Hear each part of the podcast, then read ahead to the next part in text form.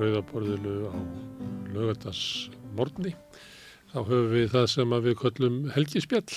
Eh, Fáum einhver til þess að setja þetta hjá okkur og einhver sem að vil leiða okkur að, að kynna sér.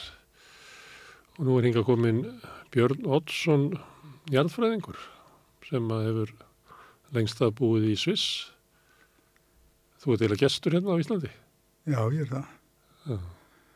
Búin að vera lítið á... Já, ég hef verið, hérna, náttúrulega komið hérna alltaf annarslæði. Ég er búin að vera í 53 ár út í Sviss. Já. Og ertu svisslendingur? Já, ég er í Svisslendingur. Það er svo ríkisborgari. Já, Og máttu vera bæði. já. En ég dróða lengi að Já. verða það og svo að ég er aldrei neitt annað heldur en Íslendingur. Nei. En þú ert fjölskyld úti Já. og eru þau svisslendingar líka, börnin þín? Já, það er uh, kona mín, að hún er nú þýska uppruna Já. og hún var Svisslendingur með mér Mm. og var nú ekkert alveg viss. En dóttur mín var fyrst til þess að verða Svisslendingur. Já. og það eru nokkur ár síðan það var en svonu minn hann er, hann er ekki Nei. og hann er búsettu hérna núna á Íslandi Já. Þannig að það er, er ekki drofnað tengslinn við gamla landið. Nei, þau voru eiginlega bara tekinu sko, hann er fættur út í Sviss Já. 91 og fer alla sína skólagöngu þar og líkur hérna bæði bachelor og masters nám og fer síðan hingað í Háskóla Íslands að því loknu. Já. Þá er hann eiginlega að koma alveg óskrifa blað hingað. Það er komið með okkur í frí. Og ekki farið og er hér. Hann er hérna þá, já. Já. Ég nú eiginlega ekki tvo að lána með það. Nú, Já, ég, þegar ég fór hérna uh, út til uh, Sviss endanlega, ég kom eftir náminga heim, en þegar ég fór aftur út til Sviss þá var ég alfarin já. og uh, Hvenær, hvað ára var það? það var 89. Já. Ég lauk námin 84. Það er að, gera þjóðasátta samninga á Íslandi. Já, það er það. Eftir, hérna, þeirra verið klift í sundur, hérna, verðtrygging launa og lána, þannig að lánin hækkuð en launin ekki. Þetta var erfiðu tími fyrir ungt fólk á þessum árum. Já, Já. það er það. Var það, þegar þú ferði 89 varstu þá að fara frá Íslandi. Þá var ég að fara frá Íslandi, Já. ég var búin að, ég veit það ekki, kannski ofmenta mig, það var ekki hægt að nota mig hérna. Þannig að ég var svona álgjörður, eh, hvað maður að segja, hérna, viðskipta flótamaður eða eitthvað svoleið, sko. Ég, Efnastlegu flottamöður? Nei, já, já, það Þannig- það er bara ekki íslenskir efnastlegi flottamenn. já, efnarslegi flótamenn, já. Það er aldrað fólk á Spáni. Já, það er líka til. Já, Herðu, en þú er hérna, núna þetta að koma hingað og þú ert ekki, þú kemur með svissneska bók já, sem að hérna, kannski sína hana hérna, þetta er, þetta er, myndi heita barnabók, barn og unlingabók. barna og úlingabók, af hverju segir barna og úlingabók? Af því að það eru svona, þetta er eh, vinsalasta barna og unlingabók út í Sviss Já. og hérna, þeir sem að er að lesa þetta, það er alveg upp í sko táninga, Já, vel sko. Já, og þetta fjallar um svona tradisjón sem að, eða hefð sem er í Sviss já. sem er ennþá lífandi, Þegar voru kemur, þegar voru það kemur, kom í gær, fyrsta mars, í já, Sviss, fyrsta mars. Guðum að vita hvernig það kemur til Íslands. Já, kom einu tegi og seint þegar það hlaup ár. Já, Eh, Það kemur í raun og veru, er þetta eitthvað svipað eins og sumadagurinn fyrsti já, og það er aðeins setna. Hann er í hérna, þriðji, fymtudagur ef ég maður rétt í apríl já, en ætti að vera í raun og veru fyrsta júni já, eftir dagatalinu en var í raun og veru eftir öllum stjórnumerkjum ætti það ekki að vera fyrir en kannski 20. eða 21. júni. ef þetta væri fyrsti sumardagur. Já, En þetta það, er kannski fyrsti vordagur. en þetta er fyrsti vordagurinn. Já, En hann er líka ósnema. já, Það er svolítið skrítið að hann er ætti að vera eiginlega þegar við erum komið jafndagur 20. 21. mars en þeir eru með þetta 1. mars já, og uh, þetta er aldar gömul hefð, hún er meira en hún er minnst ást í 1600 já, ára gömul. já. Erðu að segja mig hvar í Sviss ertu? Ég er í uh, nágræni við Zürich, Mm. Zürich er við Zürich sé vatnið Já, og ég bý í Rappersvíl Jóna já, sem er við hinn endan á vatninu. og það er tölvöld þýska. Það er tölvið þýska. Já, Þýska, sem ég segja, álgerð djöfla þýska. já, Það er talað svona St. Galler dialekt já, og þetta tilheyri kantóninni St. Gallen þó þetta sé já. En Þessi bók, þetta er svona þjóðargersum í Sviss, eða ekki? Er það? Hún er það. Já. Já. En hún kemur á, úr allt annari deild, sko. Er, Hún gerir það, já. þetta er úr svona rómunsku máli, eða? Já, þetta kemur hérna, úr svona fjallakantónunni Grisjón og þeirra máli, retorómusku, Já, eða kalla grábundin já, og það er svona suðaustur hlutin af Sviss þar upp í fjöllunum. Og þar er skamdegi ekkert síður, síður heldur en hér. Það eru háfjöll og dalir og sólun er ekki að koma upp já. alveg hreint. Og það er maður, þeir finna vel fyrir því. Eru og þykir ástæði til þess að halda upp á svona þegar komuna. það sólarkomuna og geta eða ekki beðið eftir því þess vegna er það strax fyrsta mars Já. að þessu. Já, þó að það sé ekki beint kannski komið vor, þá er sólin að, ná yfir fjöllin. Já, við finnum það bara hérna núna í morgun og í gær, fyrra dag, Já, ég meina ísfyrðingar þekki þetta og þekkja það því er. að víðar sem að sólin hverfur yfir háveturinn. Já, já, það er. Þetta er á baku fjöllin. Já. Hvað heitir það ekki? Sólarkaffi? Já, Sólarkaffi. þetta er svona sambland af, af uh, sumandeginu fyrsta og sólarkaffi. Já, Þessi dagur, fyrst í mars. já, En hérna, segðu mér aðeins frá bókinni, að því að hérna, og þessu, uh, hvað heitir þetta, retro Róm, máli. Já, uh, þetta mál að það er afar gamalt. Uh, það er skilt uh, sennilega því máli sem að etrúar uh, töluðu og á Norður Ítalíu eða í, Toskana héraði og undan Rómverjónum Já, og það voru réttar sem að byggu í Sviss og hét, sá þjóðflokku hétt það. Og uh, þeir töluðu sitt eigi mál. Þegar að Rómverjar yfirtaka þetta og færa þar út kvíarnar allt norður Þískaland og jafnveg til Breitlands, en allavega á þessu svæði að þá eru Rómverjar langa hríð. Og málið þetta gamla mála það hérna, eh, samlagast latínunni sem Rómverjar töluðu. Mm, og þegar að Rómverjar fara aftur í burtu að þá dagar þetta mál uppi þarna í fjöllunum. mm, Þannig að það eru til sko innan Sviss og í gráböndin eru sjö mállískur á, sem eru retrorómaskar mm, en síðan er í Austuríki, mann ekki hvort það voru fimm mm, og aðra nýja á Ítalíu. Svona mállískur sem er allar um mjög skildar. Og það eru þessi retrorómasku mál. mm, Og bókin hún er skrifuð upprannlega á, á því máli.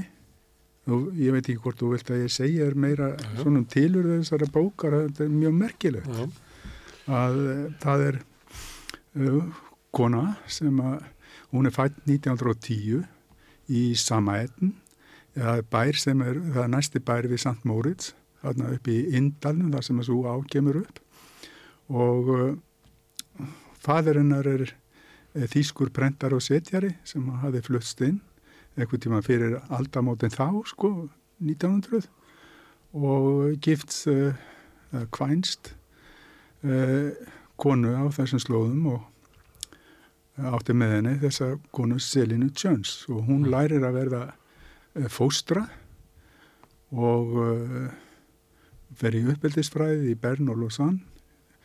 Og hún fær ekkit starfið sitt hæfi hún er búin að ljúka því þannig að hún fer til Lundúna og dvelst þar um eitt ár hjá lávarðafjölskyldu sem heimakennari og hún setur þar þessi lávarðar fjölskylda því þeir eru nú pólitið stöð og þá var þessi lávarður að hann var að, að hérna, uh, hann og konan hans uh, þau voru að hérna, styðja við fátakubötnin í Lundúnum og halda fyrir þau tónleika, symfóníutónleika og síðan að kenna þeim á hljóðfari og þessi samtökur er ennþá til. Það er ekkert voðalega langt síðan að hann dó kallin að hann var, hann gifti sig aftur, ég held að hann að verið 101 ást þegar hann gerði það, ég fann ekki hvað hann hétt.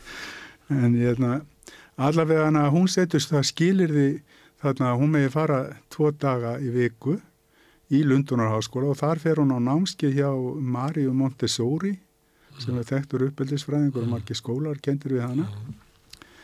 Og þegar hún fer heim til Sviss aftur þá hérna, þá fær hún fyrst upp í fjöllunum þarna hjá sér er þar eitt ár í bænum Tsúos en fer síðan til Zürich og því að það var staðalauðs þar í Montessori skóla. Og en hún kemst mjög fljótt af því að það er sérstaklega á retrorómuskunni það er bara ekkert til að litteratúr að anda bönnum og á þýskur reynda líka. Þannig að hún fer að yrkja sjálf og skrifa mm. svona 22 ára gömur en í Zürich að þar kynnist hún öðrum manni frá sömu slóðum eða sömu kantu, sama landinu þarna, Graflundin. Mm. Hann var auglýsingateknari og hafði stopn, var meðstopnandi svona uh, kabarett sem voru vinsalir 1933 mm. og aðal atriði hjá þessum kabarett var að hæðast að nazistum mm.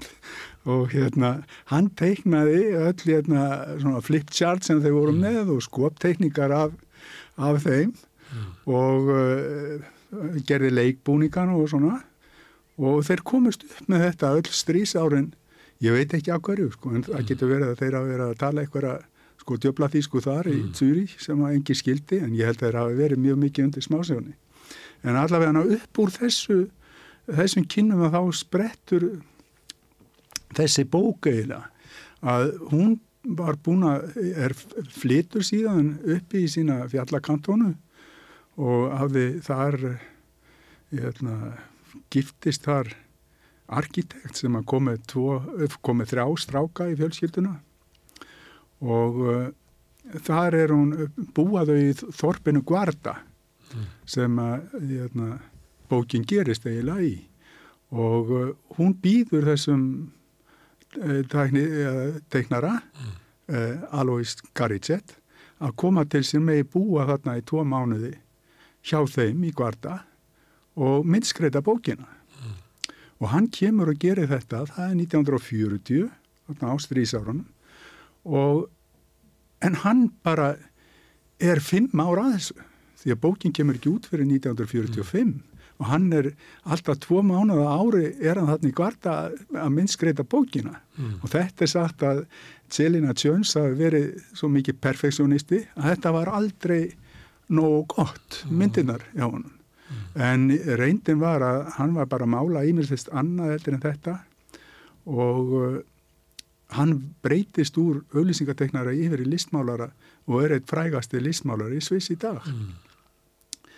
en uh, bókin sjálfa hún fjallar um Já, ég vil ekki... Nei, þetta, er ekki þetta er ekki bara einn bók Þetta er, þetta er í raun og veru, þetta er ein aðal bókin sko sem heitir Sjælin Úrsli Já. á Þísku eða Úarsín og það þýðir... Þau gerðu fleiri bækur eða ekki? Þau gerðu fleiri bækur, Já. jú, það eru sagt, tværi viðbútt en ekkert er eins vinsalt og þetta en hún er alveg svakalega fín næsta bók sko. Lastu þessar bækur fyrir bönnið þín? Já, ég gerði það. Og er þetta þannig að, ef að ég eignast bann í Sviss Já. Þá koma svissleitingar og gefa barninu kjafir og þá er það kannski átjón svona bækur sem ég fæ. Nei. Það er ekki alveg svo slæmt. það er ekki svo slæmt. Nei, þú færð svona sko þess er um strákin sko Já. og næsta er um sýstur hans. Þannig að og það er eiginlega toppurinn af þessu sko. Strákarnir fá þessa bók og stelpurna næstu. Nei, þetta Nei, er alveg aft fyrir stelpur líka en þetta er svisnesku menningararur. Já, og þú myndir, eh, þetta er tilægil á flestum heimilvísus, myndir þú segja það? Já, það tekja þetta allir. Og myndin það skipta hjátt miklu máli og textinn? Minnstakosti. Það er einhver sem dætt í huga að gera eins og var gert hérna á Íslandi um daginn að þá var hérna dimmanum gefin út með nýjum tekningum. Já. Það myndi einhver dætt í huga að gefa þetta út án tekningana. Ég held að það var, nei, það var alveg hopluð sko. Já. Ekki nema að það væru ljóðum mín. Já. En ég segi svo. Það er akkur, vel að koma með þetta til Íslands. Eh, það er... Það er ekki alltaf sem hægt er að flytja eitthvað svona menningarlegt fyrir bríða myndi landa. Nei, það getur vel verið að þetta Já. sé líka alveg hópla sko. En, ég, en þetta hefur miklar tengingar Já. af því að ég, Nú þegar vorum að tala um sko hvenar þetta verður til já, að þetta er á strísárunum og þetta fjallar um hefðirnar í kringum hérna, vorkomuna og þetta gengur út á það að það er aðalega drengir veist, núna er þetta, þetta er lifandi núna, þetta er allt í gangi núna í gær, sko, alveg reynd alveg á með fullu bjöllu, morgun. út með svona bjöllu. þá erum við svona bjö, kúabjöllur Já. og þeir eru að djöblast með þetta má í ringinni Já, ekki svo vel.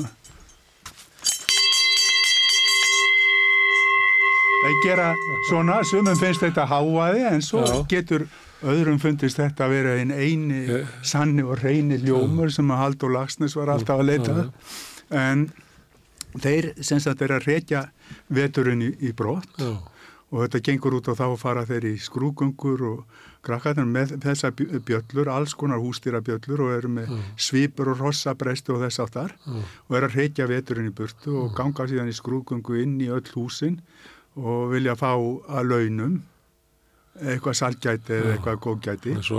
Þetta er eins og öskutaði hérna. En Og eh, setja það í bjölluna kannski. Setja í bjölluna og í vasana. Já, einmitt í bjöllunar. Það er gott að vera þá með alveg stóra að stóra. Já.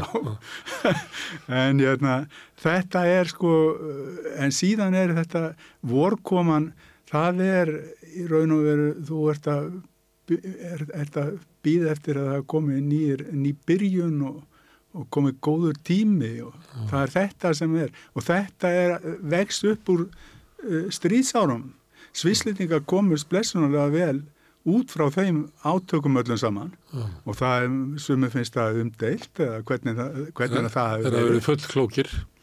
fullklókir, en það er mjög rámt, uh, margt rámt í því sem að, tala, en Sviss var bara, var eins og eiga út í miðju hafi með ólgandi stríðsátök allt í kring og hörmungar og naukanir og, og hérna, skotáreisur og allt sem að þessu fylgir og skítrættir um hvenær kemur röðan á okkur, hvenær verður farið inn hjá okkur. Og það er að þarna kemur byrti svona í bókinni og svífur þar yfir öllu að nú komi aftur betri tímar og góðir tímar eins og voru áður þegar allt lék í lindi, hvort sem að það var nú þannig eða ekki, en það er þetta draumurinn um það sem er þarna bak við þetta. Þannig að það hefur svona, og það var til þess, ég er löngu búin að yrkja þetta. Því það, hérna, svo dagaði þetta upp í COVID já. og svo vildi enginn gefa þetta út hér þegar ég prófaði það.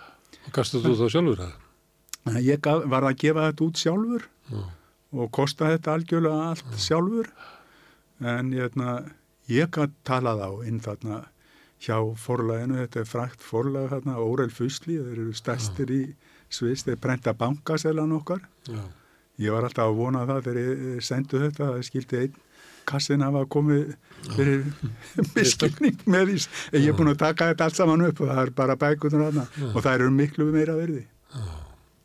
Herðu, en að þeir eru með að tala um Sviss og þessa stöðu Sviss að bæði, þetta er náttúrulega skrítið land. Þetta er ekki alveg eðlilegt land sko. Að bæði er þetta marga máliskur og marg tungumál. Já, og hérna þeir eru mjög sérstakka líraðisafð já, þau eru óháðir Já. þeir eru ekki þeir eru ekki NATO nei, og það er engin umræð um það í Sviss Jú, það er NATO. umræða um það. Nó, ja, það er sant. já. en En er það það er mjög ólíklegt að þeir fari í NATO. Svo er það líka að eh, það eru hérna mikill fjöldi innflytjenda, fólk sem er erlend ríkisfang sem að vinnur hana, meira heldur en á Íslandi. En, en kannski það sem, eh, að því að það var, svo hröð, hraður vöxtur á Íslandi, að þá kannski gætu við allt eins hérna, og ég held að sé kannski svipaður svona ástæður sem að innflytjendur koma til Sviss. Það er fyrst og næst hérna, fólk af, sem er að koma að vinna þarna. já, það er, reyndar er mjög, mjög gömul hefð innan Sviss eh, með innflytjendur og flóttamenn. Já, að það er gengur langt, langt uh, lengra aftur tilbaka alveg bara frá því fyrir stopnu Rauðakrossins já, og uh, svislendingar að þeir hafa verið maður fylgst með því þegar ég fór hérna á stúdensárunum 71 já, að þá var eh, talsverðu fjöldi af fólki sem var með að koma frá Tjekkoslovakíu og það voru margir sumir sem voru að kenna, ég vel í háskóla, eitt professor sem var, kendi mér að hann hafði komið frá Ungverjalandi í þeirri bylgu sem var þá. 56. Já, og hann var til dæmis tekinn í fjölskylduna hjá íslenska konsuln, það er svolítið fyndi, eða merkilegt, af því að síðan verður þessi maður frumkvöðul á uh, sviði jarðhitta í Sviss, Já. sem er svolítið skrítið, jarðhitta í Sviss, um það, það er, er lungsaga, en sem sagt þeir eh, síðan eh, er að koma inn eftir, sem sagt að ég kemur þarna þá er að, koma inn fólk frá, frá Tíbet, Mm. frá Sýri Lanka, síðan frá öllum þessum júgosláfnisku löndum, Mjög mikið þaðan. já, og uh, síðan frá Úkraníu Mm. og þessi hefð hjá svislingum byggist á því að þeir uh, sem sagt taka inn vilja ekki taka inn fleiri heldur en þeir- geta integrerað inn í sitt þjóðfélag Mm. og ég maður fann það þegar að núna í Úgræni þá var óska eftir því hverjir hefðu húsnæði aflögu og gætu tekið fólk til sín og það þetta var kannað. Við vorum svona báðum áttum sko hvað Já. við myndum gera í því. En svo þegar eh, tíma liður fram þá var stámar það voru síðan náttúrulega ímsir sem að voru uh, vildu fá eitthvað fyrir þetta og voru, voru að spá í því kannski. En eh, svona yfir yfirleitt er það þannig að þeir, uh, hérna, þeir reyna að taka ekki fleiri heldur en þeir sem að þeir ráða við. Og þetta fólk sem hefur komið þarna allir þessi hérna, inflytjendur að um, það hefur bara, gengið bara mjög vel upp og miklu, miklu betur heldur en sem til dæmis í Þískalandi eða Fraklandi eða í þessum löndum eða í og það sem að, að maður ráða ekkert við þetta, hvernig þetta er. En það er núna, eru náttúrulega að koma inn síðan eh, alls konar flóttamenn líka frá löndum þar sem að einhverjar hörmungar hafa verið en er í raun og veru ekki á þeirri forsendu að þeir séu hérna, ofsóttir í sínu heimalandi þannig að það er að svislinga reyna að fara eitthvað að leið til þess að beina þessu hjá og rauð krítiseraði fyrir það að þeir sé að velja eitthvað úr Já. en það er ekki þannig að þeir er ekki að velja neitt mentamenn eða eitthvað svolítið, það er allt og mikið af þeim að núti sviss. En Það eru miklu fleiri sko, fólk af erlendum uppruna eða, já, eða með erlend ríkisfang í Sviss heldur en löndum. við, við erum að slá Já. upp í eitthvað 18, eh, 19% Já. en ég man ekki hvað það er í Sviss, ég held að það sé bara 26 eða Eitthvað, það er 8%. komið upp í eitthvað slíkt Miklu, það, miklu meira. Miklu Það- meira. Þú finnur þetta reynda líka í Luxemburg, það er þetta svona, Já, og þá að að, því ég kom til Sviss hann ekkert í mann, ég man ekki hvað fyrir 7-8 árum og þá fannst, maður, fannst mér að maður svona skinjaði þetta. Að það var, ef maður sá það alveg allir sem voru að þrýfa eða afgreiða mann eða eitthvað svona já, það var bara lag undir sem að maður skinjaði alveg að voru innflytjendur, já, en maður sér ekki hina. sér ekki hérna Hina innflytjendunum sem er eitthvað staðar herra uppi, þú áttar ekki þetta á því kannski. Nei, nei, ja. Og, og tekur eftir þessum sko, en hérna, En þeir eru á öllum stíl. Það sem maður tók eftir var að eins og samfélag var orðið lagskipt. Já, já, það er það, það er það. Það er engin svisleitingur sem að keiri strætó eða skúra Jú, golf. það er það reyndar, jú, jú, jú, jú. Það er kona mín að hún var í, í Lausanne og, og hann, hérna, eh, sonur kona sem hún bjó hjá að, hann var að keira alltaf svona ekki sporvagn og ekki lest heldur eitthvað svona kláf þarna innan bæjar. já. alltaf sömu leiðina það hafi verið eitthvað eh, 400 metra sem hann keirði alla æfina fram og tilbaka hann var svislendingur en það er svona, en samt sem áður er þetta alveg rétt hjá þér að það er, það er náttúrulega eins og er hérna eins og Að við, það- við erum að verða svona. já við erum lungorni svona. Það sem að Íslandingarnir eru liggja í ofan á okkur lægi af innfluttu vinnuafli sem að sér um legstu Já, launuðstörfin. börnum mín þegar ég var að ferðast hérna með þau þau er svo að ég var honum helvitis rassisti að maður fór kannski á veitingastað og, og hérna og ætlaði að spurja hvað maður fengi að borða. Og hérna og ég var farin að segja hérna I do not understand sir og þá sagði hérna, hérna er ekki einhver íslendingu hérna sem getur sagt mér hvað, hvaða fiskur er. Vildur þú verða afgreitur á íslensku? Ég vildi það þegar maður er að koma hérna sem íslendingur eða ég vil ekki vera eins og maður sé bara að fara eitthvað út í buskan. En hérna, það er svolítið spaugilegt sem kemur svona upp. En ég er ekki að skjóta á þetta fólk neitt. En hérna, það var bara núna í fyrir þetta sem ég fór að, hérna, út að borða með svisneskum verktaka sem var hér. Og við ætlum að fá okkur fisk og ég spurði og það, það, var, það voru útlit, ekki nema einhverju útlýtingar ah.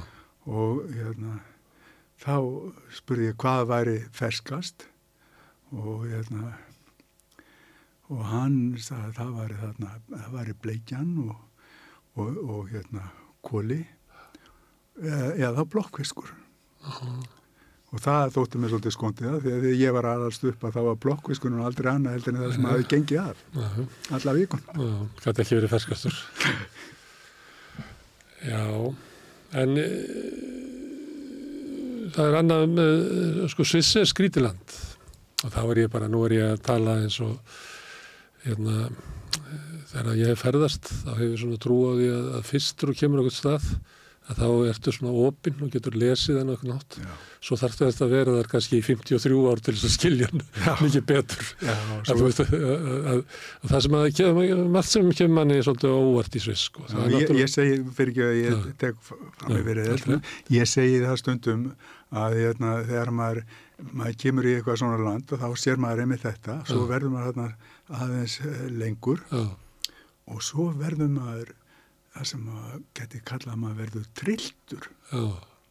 það eru þeir sem eru búin að búa lengi með tröllunum oh. að þeir verði eins og tröll. Oh. og þá eru orðinni trilltir ég er orðin svona hálgjörðu svislitningur Það er margt sem að maður skinnjar hana bæði hérna það er mjög sérstakki bæir sumir að sem eru bara sveitabærin er inn í, í miðum bæ.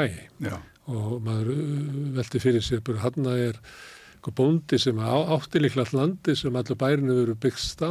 Rétt, og hann, hann rekur ennþá sitt bú já. inn í miðum bæ rekur kýrnar út í hagana. Þetta er svolítið sem að hjá mér. Já, ekki? Jú, ég hef hérna verið, ég kom þarna og þess að þá var ég aftur sem þetta 89, þá var alveg ákveðina eins og allir íslitikar vildi byggja. Og ég vildi hérna ætlaði nú bara að kaupa íbúðu eða eitthvað, það var ekkert að fá þarna neitt. Og þá ákvæði það að ég myndi þá bara byggja sjálf og ég þurfti að fá lóð. Það var eiginlega útilokað en ég ákvæði að setja auglýsingu í dagblæði mm. og staðið það var hérna ég man ekki hvort ég hafi sagt að ég hef verið Íslendingur en nýlega fluttur til bæjarins þarna mm. og væri með tvö ung börn og hérna óska eftir að fá lóð og ég setti þetta inn og þá var ringt í mig á blæðinu og sagði að þetta væri útilokað. Ég fengi ekki neitt. Svona, þetta, ég var að eida peningunum þarna eh, algjörlega til einskis mm. og ég svo við skulum láta hann að fara. Þá kemur þarna einn bondasónur mm. og hann hafi ert með sískinu sínum þarna land. Mm.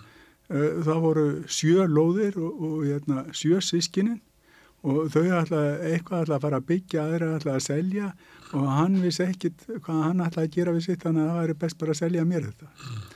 og hérna, þar byggðum við okkar hús og þar er alltaf ímist hérna, sko, hérna, kindur á beitt mm.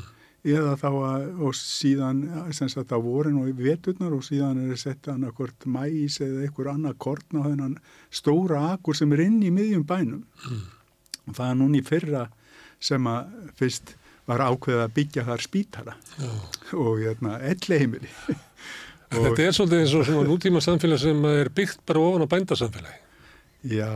Þetta er eins og svolítið... stórbændunir í, í þingaðisíslu væru eiginlega bara grunnur undir samfélaginu. Það gerðist ekki þannig í okkur sko. Nei. Það var eiginlega bara svissað yfir í annað samfélag sko. Já, og svo er þetta svo, hérna, landið er svo mikið í enga egna þetta er eiginlega mjög slæmt að mörgu leit út í Sviss. Það var búið að skipta þessu niður í smá reyti þarna inn í bænum og það var mikið atriði fyrir þessa uh, gömlu bændakalla að það verði byggingaland þar sem það er eiga því annars er þetta einski svirði og svo ríkur upp í þúsundfald sko við það að verður byggingar og það er svona, en svo eru svo, svo, eru svo margir sem eiga einhverja svona spá, smá spildur og er að liggja með það þannig að það er ekki að það skipulegja hann almennileg hverfi, það er ekkit svoleiðis þannig að þetta getur verið sundurleitt. Og það sem kannski bætir aðeins úr er að Sviss hefur ekki orðið svo illa út úr stríðinu að það hefur eðilast neitt mikið þannig að það eru þessi gömlu bæir uh, og borgir. Uh, eru til en þá í sinni heilt en það sem þetta er að vaksa svona út í sveita hérum En þetta er svona bændaðið samfélag og, og þá er það eignaréttur á landi sem er aðna. Þetta er Já. öðruvísi heldur en, hvað er að segja, sömuriti voru við hérna, frekar með svona stærri almenninga. Já. Já, já. Þetta, maður sér þetta líka í Skotlandi, það eru almenningar var svona, það var ekki bara fyrir, fyrir sko 200 árum að þeim var skipt upp á milli höfðingjana og, og þeir gerðir aðalsmannum en svona, svona hugmyndin í svona ríkari hugmyndum almenning í Skotlandi heldur en til dæmis í Englandi það sem hefur verið sko eignarhald á landi allan tíð. Sviss er svona bara, það er eignarhald á landi bara. Já, það er... og það eru menn ekki til að, að það er ekkert verið að gefa neitt inn í almenningin Nei. Og það er heldur ekki verið að gefa sko völdin í almenningin, það er svona völdin eru bara hjá bondan, hann vil halda valdinu. Já, en það, það gefur það ekki, ekki sko alríkinu eða eh, kantonuninni nema bara í pörtum sko. Þarna í Skotlandi? Nei, í, í Svisk. Nei, það er náttúrulega völdin eru bara hjá hverjum einstaklingi. Já. Það, það er svoleiðis. Sviss er allt öðruvísældir en allt annað. Er, og miklu betra það er eiginlega hörmung sko. Þú valdir að vera þar ég, Já, það var bara tilvíðinu en ég, hérna, ég er alveg samfarið um það ég, hérna, þeirra þjóðskipula er, er betra heldur en allt annað hvað, þú sagði ráðan að það væri svo tröllin þú ert orðið tröll. Já, já, ég, það er svona ég er, hérna, ég gerir stundum að ganni mínu en eh, það, það ég, Þið líkar þetta kerfi sem er hana Já, og það er, þetta er svoleið sko að sko reygin munurinn Já. á því það er eiginlega að uh, það er ekki miðstýring og það er ekkit uh, völd svoleiði sko stór völd eitthvað staðar sem Já. það er bara það, sko það byggist eiginlega á því að að völdin eru hjá bæjafélaginu fyrir það sem að snýra bæjafélaginu Já. síðan kemur hérna, svona distrikt eða svo leiðis mm. í kring það sem að það, það skiptir máli. Sísla. Já, og síðan kemur kantónan ja. og það er land, mm. það er ríki og síðan er sviss að það er sambandsríki allra þessara landa, mm. allra þessara kantónu mm. og uh, það er til dæmi og, og, og hérna, allt sem er hægt að leysa einhver staðar niður á lægsta punktinum mm. eða í bæjafélaginu að það er gert þar mm. en það er ekki sko er ekki, við erum komnir inn í eitthvað svona svipað og er í Frakland og Þýskalandi það er allt saman miðstýrt mm. það er e, eða á Ítaljum að segja það hallast allt í átt en að Róm er þessi að turnin í Písa það, hérna, að og, og hér er þetta svo leiðis ef þú ætlar að byggja hérna þú ætlar að, að fara á þessa stofnar allar hérna í Reykjavík. Þetta er ekki svo leiðis út í Sviss. Mm. ég fór bara bæjafélagið og áður en ég keipti landið og, og, og spurði hvort ég mætti byggja svona stort eða svona mm. lítið hús. Og það er sagt, bara ákveðið þar. Svo er náttúrulega sagt að, að pólitíkin í, í Svissi þannig að það getur engin nefnt sko ráðarana Gætur þú það? Getur já, einhver af þeim. Getur þú nefnt innaríkisráðurinn í Sviss? Já, það er hún hérna, snýtir, hún konar ný góðsinn hérna frá kantónun í, hérna, í franska þíska hlutan, svona blendingur.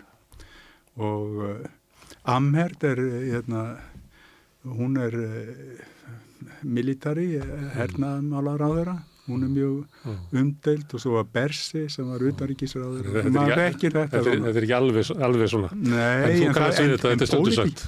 Já, þetta er stundu sagt Pólitíkin er ekki fyrir fyrir ekki mýl Nei, hún er svona manu, það er ekki tvoðalega spennandi skilur það, það er ekki það, sko.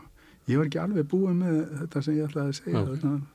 Já, það, reygin munurinn er hinn að borgarinn er tekinn sem heiðaleg persóna hvar sem hann kemur.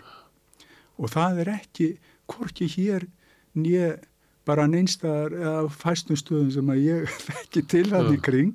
Það er yfirleitt litið á uh, menna þeir sé eitthvað reyna eitthvað fjandan Já. sem að sé ekki lagi. svindla eitthvað. svindla eitthvað sko. Þess vegna er til dæmis sko það er ótt slegið svona fram já það er leifilegt að svíkjunda skatt í Sviss. Mm. svona, bara sagt svona og hérna, og menn eru að velta því fyrir ég var lengi að velta því fyrir mig hvernig getur maður bara brúðist við að, eh, þegar að svona er kastað fram og maður er orðin svisslítingur Já. að hérna, það þykir nú ekki gott að vera svíkjundaskatti en tilfellið er það að ef að þú verður uppvísað því að það er eitthvað ekki rétt í þér, Já. þá bara brúðist hann við er það umíkja maður en hann gerði mistök Mm. Þetta var bara feil hjá hann Mm. og hérna, hann bara farið þetta aftur tilbaka og beðum að leiða þetta það en ef þetta gerist aftur Mm. þá er fjandilös Já. Þa, það er ekki gott þannig að það er ekkit uh, leifilegt að svíkjunda skatti en það er, það kemur, svona kemur þetta fram Já. ég á eftir þennan séns Áttu eftir þess að segja, eftir þess að einu sinni búin að... nei, aldrei Aldrei, já, já. En þetta er svona valdreifing og þetta er það sem að hérna, eh, mörgum segir eftir svona verðt. Já. Að, að, að, að einstaklingur taki alla þær ákvarðinni sem að, henda að hann taki það og fjölskyldan og síðan taki sko, sveita, bærin og svo sveitafélagið og já, þannig að það sé ekki öfugt sko að Já. ríkið hérna sem öll völdin og deilið þeim síðan niður suminleitt eru við í, í því formi og það sést bara á, á, á ágreiningi og bara erfileikum á milli ríkis og sveitafélag hérna það sem Já. að er verið að flytja verkefni niður en ríki passa sig að láta oflitla peninga og, og sveitafélagin hafa eiginlega enga sjálfstæða tekjustofna og eru alltaf á horriminni og, og bara náð og misku ríkisins komið og þetta er eiginlega handónit kerfi okkur Það, ég, ég tekki það ekki kannski Já. nógu en ég hugsa að það sé hann dónit Já, já. það lítur eiginlega að vera það Já, og það er svolítið skrítið til dæmis að lögin þannig í Svisk og Já. ríkislögin Mm. Sem eru fyrir allt Sviss að ég er nú ekki með svoleiðis en hérna í bókinni Já. að hérna, þetta er svona cirka A4 já, og ef þú skiptir því hérna, tvent að þá er það komið niður í A5 já. og ég veit ekki hvort að það eru A7 ef maður helmingar það aftur. Er sex, það er svo er starfin á hérna, lögunum í Sviss já, þau, þau eru í því broti. Þetta er smá svona bók. Ef þú opnar hana þá var hún komin í A5 já, og hún er bara þunn. En þ- hver segjum við bara innflytjaralög eða vasslög va- vassrétt og þess áttar að þá er ríkið það setur sín lög og það er náttúrulega fyrir í gegnum allt sko, Mm. kerfið, bæði þing og niður alveg niður í bæjafélögin og hvernig einstakling. Mm. áður en að það er gengur upp en þessi ríkislög að þau eru svo stutt og gagnorð og einföld að það skilur þetta hver einasti maður og þau, þau, þau eru sem sagt svona Mm. en hérna, þau gefa bara línuna Mm. sko þau, þau segja hva, hva, það er ákvörun um að það eigi að venda vatnið og kannski eitthvað með hvaða hætti Mm. það eigi að gera það en síðan gerir hver kantona sín eigin lög Mm. hvernig þeir ætla að hafa þetta Já. og það er náttúrulega svakar mikið kraðak sem getur orðið út úr því að allir er að reyna að gera það besta sem þeir geta Mm. Og allir finnst þeir vera að gera betra í St. Gallen heldur en í Zürich og í Genf eh, sem er franskum að gera ennþá betra heldur en hinnir og svona þannig að þetta verður gífulega flókið Mm. en, hérna, en mm, það er alltaf hægt að fara tilbaka yfir á línun og sjá hver hugmyndin er á bakvið Mm. og hérna, þetta einfaldar Eða gera eins og hinir að því að það gekk betur á þeim. Já, þeir, og svo er þeir að laga þetta og er Nefna að endur bæta þetta nema sér rígur á milli þá náttúrulega Já, geta menn ekki lært af næsta bæ.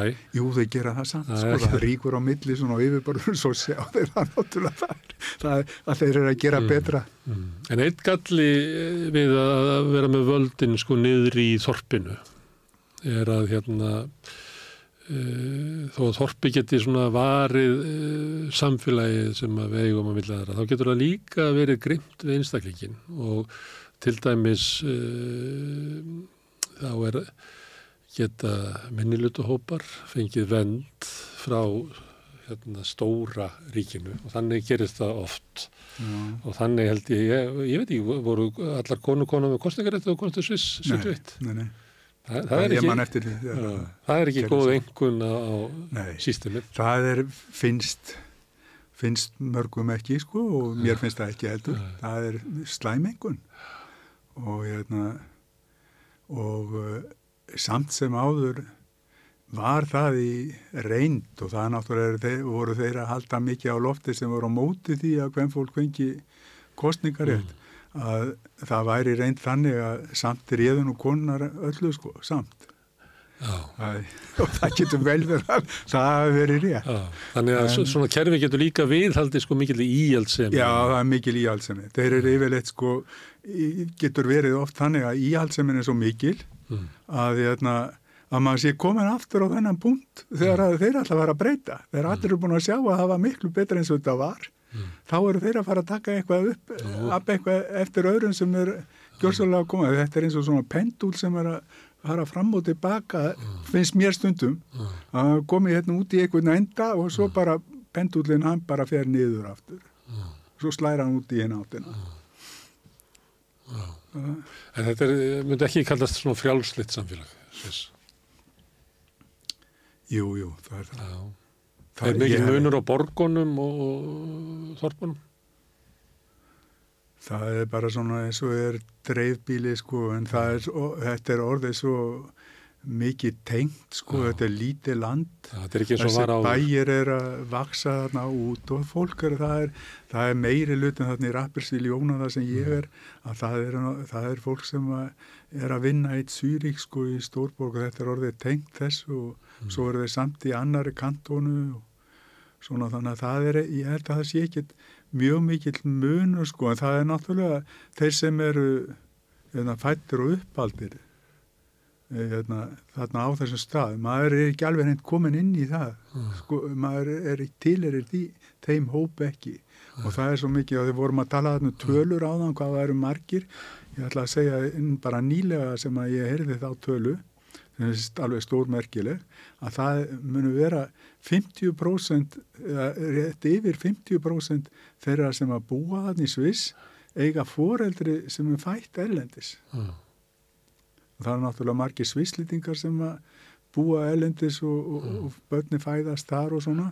En þetta er svakalega mikill fjöldi Já. og svo er náttúrulega hitt líka sem að mætti kritisera og það var nú kannski ástæðan fyrir því að maður fó- fór að gera eitthvað í því að verða svislendingur þegar maður fekk tíma svona til að hugsa sig um. Alltaf ég að vera alltaf svona? Að það er hérna, sko það, þetta er ál, það var hægt að segja að þetta var álgjört apartheid sko. Nú, það er kannski þarna, vel yfir 20% og 26 eða eitthvað svoleiðis prósent sem er ekkert með kostningarétt sko. Búa þarna í landin og já. hafa ekkert með að segja það sem að það vera að kjósa um allan fjandan en þetta er ekki alveg svona einfalt. Það getur hver sem er komið með tillu og látið kjósa um hana þó hans útlýtingur Það getur gert það.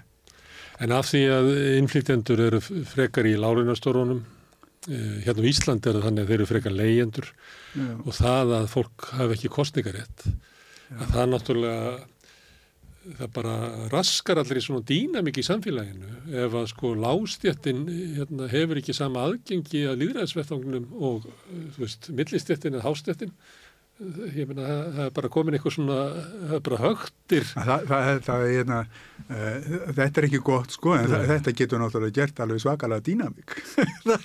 þetta getur orðið dýnamitt. Já, dýnamitt, já, ef að, hérna, ef að völd, ef að sko lástettin Já. svift völdum, Já, að það er náttúrulega, já, það hlýtur að springa bara. en það, það er ekki svoleiðis þarna í Svissamar eða einnir áhugjur á því. Nei, það er kannski Nei. ólíklegasta land í heimi til að springa í Sviss. Ég, einhvern veginn finnst manni það. það eru svona fólk eins og ég sko þó að, þó að maður hérna, hafa ekki verið orðin svislitingur maður orðin miklu meiri svislitingur en allir hinnir í, í kringum hann samt. Af því að hérna, vorum að tala þarna um sko uh, Evrópu og Evrópubandali og hvernig þetta er sko að, Mm. að það, ég var að segja að þetta væri miklu betra kerfi eða stjórna fyrirkomula þetta demokratía sem er þarna í að þetta er mjög reynrækta demokratí sem manni finnst og það er eiginlega sko synd að svisslendingar hafa ekki eh, gengið inn í þetta, verið með í þessu bandalega þetta band, hérna, Evrópubandalega á mikinn rétt á sér um að sjá það vel núna. En svisslendingar vil ekki sjá að fara inn í þetta og, hérna, og í fullum rétti líka með það. En þeir sem sagt er í raunum veru eiginlega, og seinir þeir eru átt að vera með í þessu upphafi og og þeir hefði átt að bara, Evrópubandalega hefði átt að bara taka þetta kerfi upp. Þú hefur viljað að Evrópusambandi gengi Sviss en Já. frekar, já. Já, þeir hefði ekki fengið yngungu. Herðu, en þú fórst að læra jarðfræði, ekki, Jú, í Sviss. Þetta er náttúrulega, er þetta ekki alveg sitt hvort svona endin á, á jarðfræðinni, Ísland, eldfjallægin og svo hana, Jú. þessir alpar sem náttúrulega Sviss er náttúrulega ógnar fallegt, það er alveg skammarlega fallegt sko. Og maður eiginlega horfir á þetta. Já, og velti fyrir sér býtu, hérna, er, er þetta ekki bara kids, er þetta ekki bara eins og okkur helvítis konfettkassi þetta, er þetta, er svo er- stórkostlega fegur þarna stundum, að það er er bara, það. Það er fallet hérna líka og við Já, annars það, já, sko. Það er, það, það er það. Jú, þetta er alveg annar endi, er sko. ein Þetta er hérna, ef maður fær út í jarfræðina, þá Já. erum við hérna á þessu brotabelti þar sem allt er að byrja, ef maður vil Já. segja það. Íslendingar myndu segja að það er að byrja, kannski er þetta enda hérna, en segjum að það sé að byrja þetta landrek og þetta verður hérna. hér og er sköpur heimsins. Og svo, eru, svo á hinum endanum að þá er þessi, hérna, þessi skorpa sem að myndast hér uh, á hrygnum og allt sem undir henni er, hlutamöttulnum, er að færast eins og allir vita, færist til og hliðrast til og svo endar hún eitthvað stöðar að hún lendir á einhverjum, hérna, einhverjum svona vegg já, og fer undir hann, það er þá svona kontinent ykkur sem er að myndast alltaf og þá fer þessi þessi plata, hún fer þar niður og kýtir öllu saman og þá myndast þessi fellingafjöld, um að gera þetta mjög Já. einfalt. Já, en þetta, þetta tekur þetta er, þetta er allt í gangi allstaðar mm, og mér finnst það mjög gott sko, eða dæmi það er oft erfitt fyrir fólk að átta sig á sko uh, hvernig hvað, hvernig tíminn er sko í þessari jarðað, þetta er svo lengi að líða og þetta, er- við erum með svo stutta jarðsögu hér á Íslandi. En það er samt sem að þannig að Íslandingar eru mjög vel að sér í jarðfræði því að við erum með algjörlega svona laboratorium eða, eða hérna, rannsóknar stofu þar sem allt er opið og sést hvernig þetta er að gerast. En úti, úti hjá okkur þá eru menn ekki með eins haldgóða jarfræðimentun bara út úr skólunum þar mm, sem að koma og, og almenningur yfirleitt og maður þarf að skýra svona þetta út tíman að hérna, þessar reyfingar sem að er að gerast hérna eins og hjá okkur mm, að þetta er hérna, hraðin á þessu er ekki meir en það að það eru kannski 1,5 cm í hvora áttina mm, en til þess að skýra þetta út að þá nota ég oft það að þetta er sami hraðin eins og neglutnur á þér er að vaksa. Það er ekki táneglundar. Já, ég er sterkar hérna svona og ég hugsa alltaf um það þegar ég klippi neglunar. Ég- Nú er Íslands búið að stækka um þetta. Já, ég las ekkert tíma um þetta sko þá, eftir einhvern djarfræðing og þá sagði það að það væri táneglundar af því það er að vaksa eitthvað aðeins hægar sko, Mm. það er bara svo mismandi sko. Það miklu er hraðar. vaksa svolítið, maður þarf að hérna, klippa þeir svolítið, Já, þannig að þetta vex, þetta reyfist það er enda, það er bara svo erfitt þegar maður er gamall að klippa þær. En eh, ert þú þá ekki svolítið á skjön við svona íslenska jærfræðinga sem eru allir í, í eldsumbrótum og hérna við um alls konar eldfjallafræðinga og en þú ert þarna í hana, setni hlutunum í, Jú, jú, jú það, er- það er svo leiðis. En ég náttúrulega fór út sko uh, þarna til Sviss af ymsum ástæðum. já, en eina af þeim var að ég var ákveðin í því að verði ekki eldfjallarfæraðingur. Já. Þannig þú vildi Það fara út úr, til af þeim. þú vildi fara út úr laboratóriunni hérna? Já, í hérna, já og eiginlega í svona, ég var alveg ákveðin í því strax frá upphafi að læra tæknilega og hagnýta jarfræði já, en ekki bara vísindin sjálf. já, já, og hérna og það vildi þannig til að að hérna bróður minn hafi lært þarna út í Sviss á undan mér verkræði í sama skólanum þarna og uh, hann hafi komið sem sagt á snóður um það. Það var komið þarna nýr prófessor þegar hann var að ljúka ná hann er talsett eldri en ég. Og hann var búin að ljúka ná það, og hérna hann nýr prófessor er mitt í þessum fræðum. Og var búin að stopna þar nýja, nýja, nýjan svona chair eða lerstúl eða eitthvað svolítið nýja de, de, smá deild og þá í, í jarðverkfræði sem já, þú lærðir. já, sem ég lærði og, og hann hérna, sem sagt bendi mér á það, það þetta væri, þetta þyrti sko virkilega til þess að gera jargung og stíplur og allt svolítið þannig að þegar ég fór til Svissa þá var ég ákveðin í því að, að ég ætla að starfa við það hér heima Já, og að læra þetta sem ekki stíflur. Já, gera það og hérna, en þú finnst ekki. Nei, svo hérna skal ég segja, þér, svo var þetta tómu miskilningur út af verið sig sko, Já. því að það, það er svolítið skondið að, hérna, að það skuli síðan vera ég þegar ég er löngu búin í nám og búin að vinna eiginlega minn vinnudag sem setja fót master í, í, hérna, í engineering geology með öðrum professorar núti.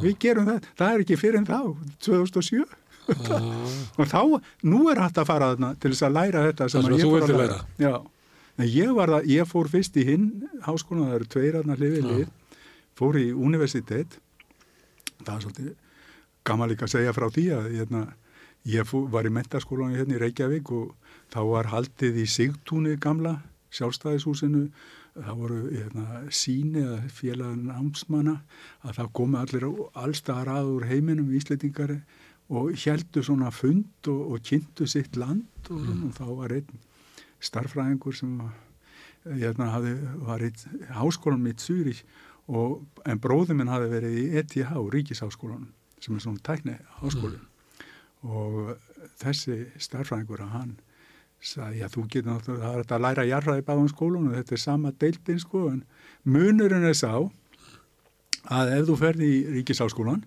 að þá er bara stundatabla og þú er að taka þetta, þetta og þetta og prófi þessu og þessu og þessu en ef að þú ferði í universitet þá er bara Humboldt sko, þar er við vötnu þú ræður alveg bara velur úr það sem að þú vill læra og tekur bara það. Og það er eins og að fara á veitingastað og, hérna, og fá annarkort menu mm, eða a la carte. Mm, og þetta bara, be, ég beit á þetta og fór í þess að universitet. Skólan sem er frægur og góðu skóli líka en svo endaði með því að það var ekki þetta að læra þetta sem ég var að, að vara að læra svoleiði sko, ég var að taka doktorinn á eftir og var lengi að því. Já, tók verkræðina þarna bæði fyrirluta prófin í því og, og doktoreraði síðan við jarfræðideildina með Íslands verkefni. Mm, þannig að ég var ekki alveg á skjön við allt svoleið sko. en ég hafði hins vegar uh, hérna uh, það var önnur jarfræði sem að ég var að skoða sem Já. enginn hafði áhuga á hér eða fáir, já, mjög fáir sem er gósinundi jökli og á ísöldinni og ísaldatíman Mm. Það, var, það, það voru allir hér heima annarkvort sko, hérna, þessi aktífi virki, virku beltu og eldfjöld og svo leiðis annarkvort í því eða þá þeir voru á austfjörðum til dæmis að skoða rætur gamalla eldfjalla inn í staplanum mm, en það hefði engi, þessi, þessi gósundi í jökli að það var, hafði engin áhuga, mikinn áhuga á því en reyndar er það, það merkilega eh, kannski, mér finnst það ennþá að eh, hérna, eh, sko, þetta bólstraberg og móberg og Já. þetta, þetta er hverki eiginlega til á yfirborði jarðar en er, er hérna, algengasta bergi í öllum heiminum sem að þetta er undir öllum sjáabotnum er þetta bólstraberg sem að var að stúdera þarna og það var og þetta var að miklu leiti bara ókannað Já. og er kannski jafnvel enn. Þó þetta sé opið Já, hér og þetta já. bara, þetta týnit upp að göngu Já. sinni. en ástæðan fyrir því að maður fór í þetta, Mm. að beita, eða sem sagt fór á þetta, var það að prófessorinn sem ég var hjá hann var, búin, var fljótur að sjá það bara á kortinu að allir svona helstu virkjanastaðir og möguleikar á Íslandi væru akkurat í þessum myndunum. Það sem að, að, að þessi gamlega, maður myndi segja, gamalt fjallgarður og vötnin sem er að koma úr jöklónum eru undir þessu og, og átna að renna um þetta og, og það sem að fallaðin er að það, það er ert að fara út, a, út af þessari myndun. Þannig að það var eh, hérna, fyrir þann sem ver- vinna við virkjanir og þess áttar var þetta akkurat svæðið sem maður þurfti að fara á svo fekk maður bara á á því líka og góðsvon myndi jökli. En núna hef ég miklu meira og ég er hættur, ég er bara hérna, sko eh, senior og, og hérna eftirlaunamaður. Já, eftirlaunamaður og ber enga ábyrð á nokkrum sköpuðu hlut og get hérna, skoða hvað sem er Já. og ég, ég hef um, ég hef miklu meira áhuga reyndar núna orðið á eldfjallafræðinni heldur, Heldur heldur þessari tæknilegu jarðfræði. Já, verður þið sem að eruð að hlusta á okkur í hlaðvarpi eða útvarpi að, að ég sitt hérna í helgispjalli og ræði við Björn Oddsson, jarðfræðing sem að býr og hefur starfað uh, lengst af í Sviss og er hérna í stuttustoppi á Íslandi.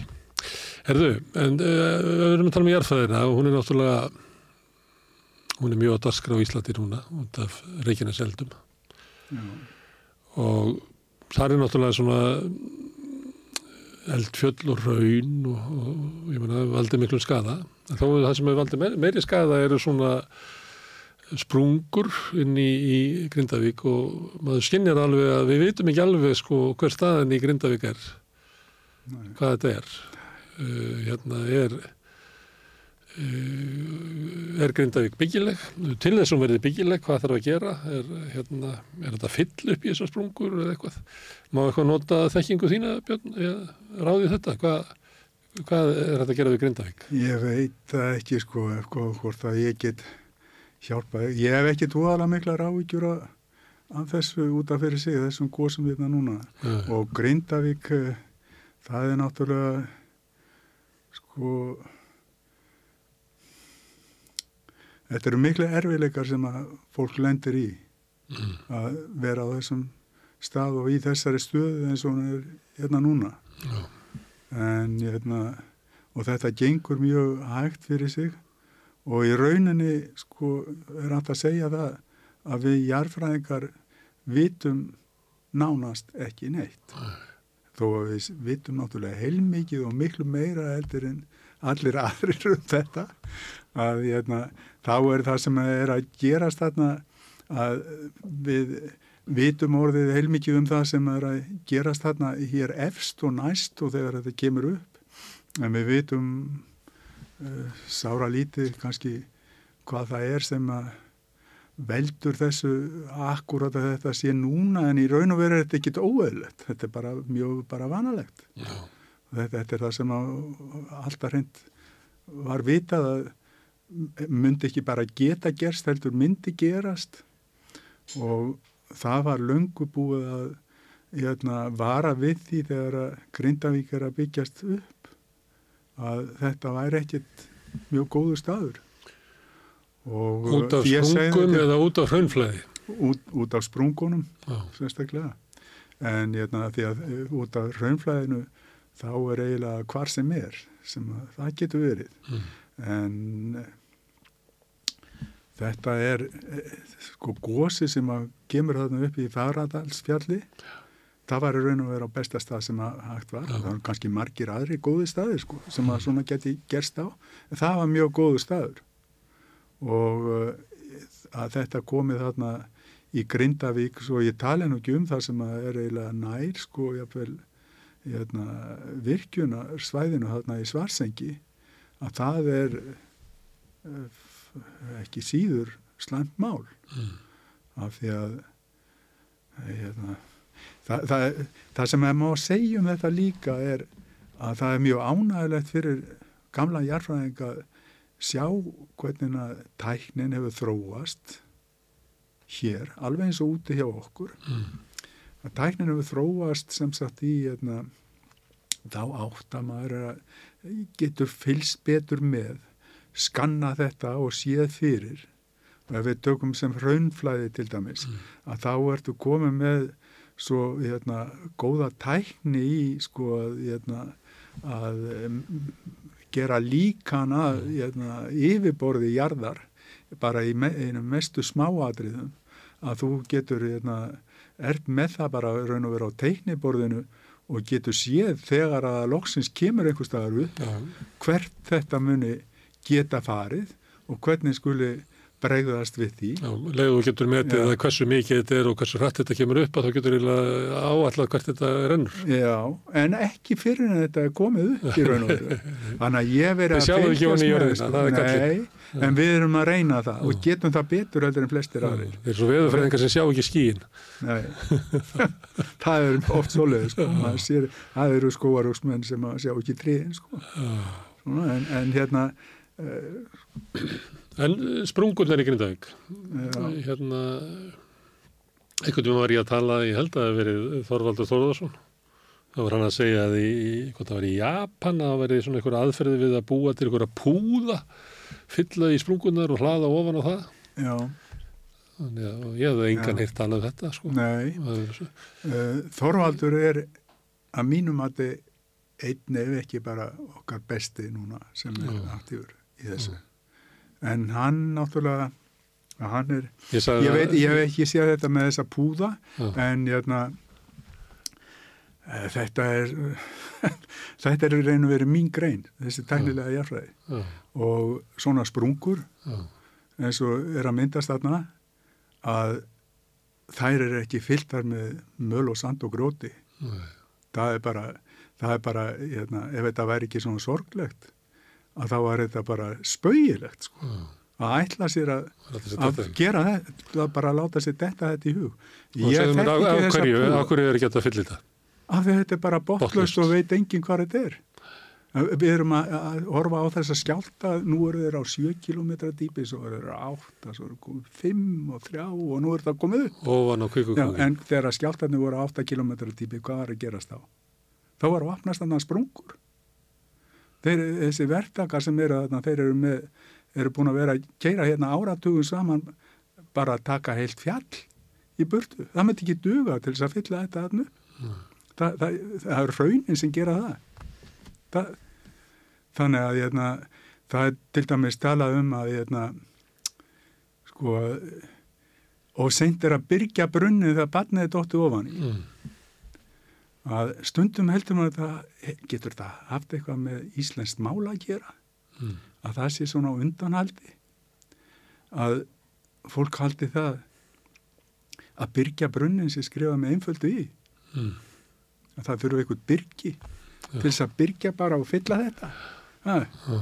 en að byrja brunnin það er að gera eitthvað borg það er að setja bara, það er sett lok á brunnin það er- dettur engum í huga að ef, að- ef að brunnurinn sem ert að nota vatni úr að þú fyllir hann ekki það sand og möl heldur setur bara að loka á hann og það er, þetta myndi maður gera þannig í Grindavík það setja stálbita og, eða trébita, límtré og golf Setja brú yfir kjálnar. já, og það en, e- Bara eins og það- gjána hérna í Kópavogi, hérna í. Hamraborginni. Já, það er Umferðargjarna. náttúrulega verður að koma í veg fyrir það. Ég sjá, maður sér það til dæmis, ég held að ég hef séð það einhvers staðar í blaði að það var í einhverju sporthöll, uh, íþróttahöll, svona græn uh, góldúkur Já. sem var bara sprungað þar undir allt í innu, hann held þessu. Þa, það var ég vil að spila þar knaspyrnu ofan á þessari gjá, ég veit það ekki sko. En það þarf ekki dvoðalega mikið til þess að loka svona gjám. Það var að gera, sko, uh, hérna, Grindavík,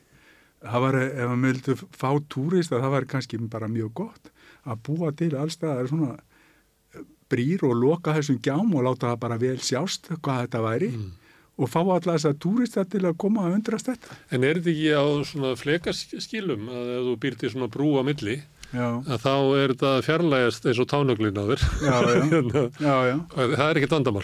Það er ekkit vandamál. Þetta sem er að gerast þarna núna, þetta er, að, sko, þetta er ekkit bara einn tánugl sem er að, breyt, er að, er að færa, sko. Þetta eru tánaglar, tánaglir hundruða ára sem eru núna að koma bara allt í einu. Þetta, þetta er það. Þannig að hérna, síðan hérna, tegist á þessu þangað til að slitnar aftur eftir einhver hundruður ára. Þetta er það sem er hérna í Grindavík að það er náttúrulega út af fyrir sig menn fókus er að, á það sem er akkurat að gerast núna og það er bara mjög gott. Mm. En hérna, það má ekki gleyma því að það er í raun og veru allt hérna undir. Ég er ekki að ræða neitt Nei, með því. Já, það er bara hérna, sko, hafnafjörður og þessi nýja byggð sem er þar. Og það var reyndar reikna með því, sko, að hérna, á þessum skjáltum sem eru búin að vera hérna síðan maður byrjaði bara að mæla þessa skjálta fyrir eitthvað hundrað árum og aðalega seinustu kannski 50 árin Mm. að þá er þarna þá eru þarna að þess að þetta eru talið vera svona eins og fimm kerfi þarna á Reykjanesinu Mm. það er eitt kerfið minnir að það sé brennisteinsfjöld sem að orðið svolítið út undan Mm. þannig að búist við því að það gæti komið þar fyrst Já. þegar að það voru fáir sem voru að tala um það að það myndi geta hérna, gósið yfir þetta á Reykjaneskaganum ég bara mann eftir því þegar að gósið kom þarna í geldingadölum Já. ég skrifaði grein um það Já.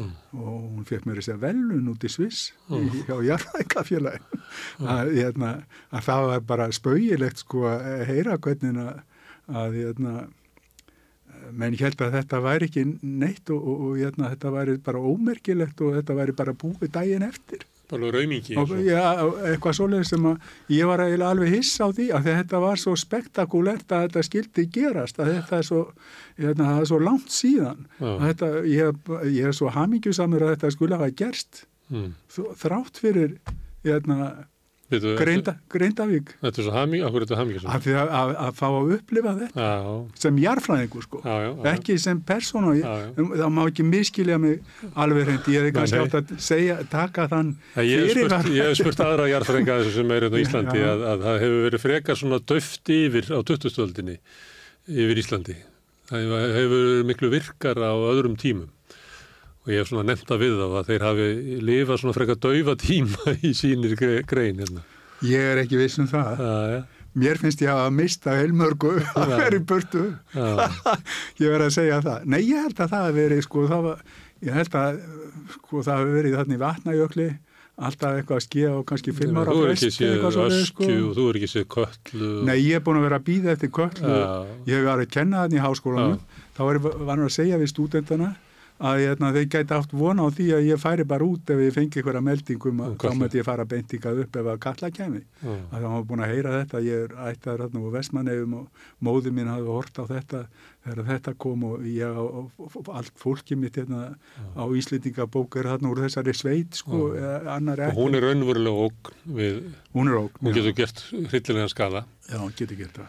og það var enginn sem að skýrði hérna dætur sína kalla nokkra Jú. áratögi og eftir Já, núna er þetta orðið með algengari Já, stúlkunar já.